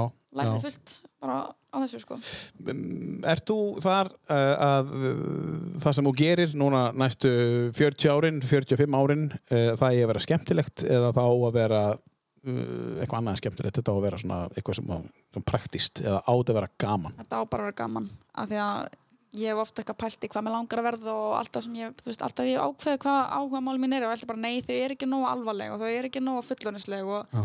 svo er ég bara, þú veist, bara skipt með það mér langar að gera eitthvað skemmtilegt og þess vegna er ég mjög mikið að hugsa um leiklist og svona því mér finnst alltaf, það er rosalega skemmtilegt Mhm. þannig að allan að þú veist kannski langar maður að vera eitthvað annað, kannski langar maður að vera þú veist, halda kynningar, ég elska að halda kynningar fyrir fólk og tala fyrir fólk og Mhm. spjalla við fólk og eins og kannski heyrist, ég veit ekki en Já, þið vel að, þú veist, í- algjörlega sko, þannig að það er bara þú veist, við getum spjallar saman hérna, þú veist, og, og hérna og, og það er ekkert oft sem maður nær kannski að gera það en, en, en, en yfirleitt, nær Já. maður að spjalla við viðmælanda sína, en, en, Já. en, en hérna, eh, í þín, í, í þín tilfelli ertu, þú virðist vera svolítið opin, opin bara, Já, ég er mjög opinn bara, hef vil alltaf verið það, ég hef oft þóst ekki verið það Í Já. Noregi, ég var alltaf svona að þykja sér eitthvað feimin svo er ég bara, ég er það ekkert, okkur er ég að þurftur ekki bara að vera það til þess að þóknast normunum? Jú, ég held að það var byrjun þannig Allt í einu Kaupaði þegar ég var pólóbolli hrædd- og- Já, ég allt í einu var hrætt að halda kynningar á bekkinu, ég bara, hvað er hann mér, mist það svo gaman Já. En áttu ennþá pólóbólin og seilóskóna?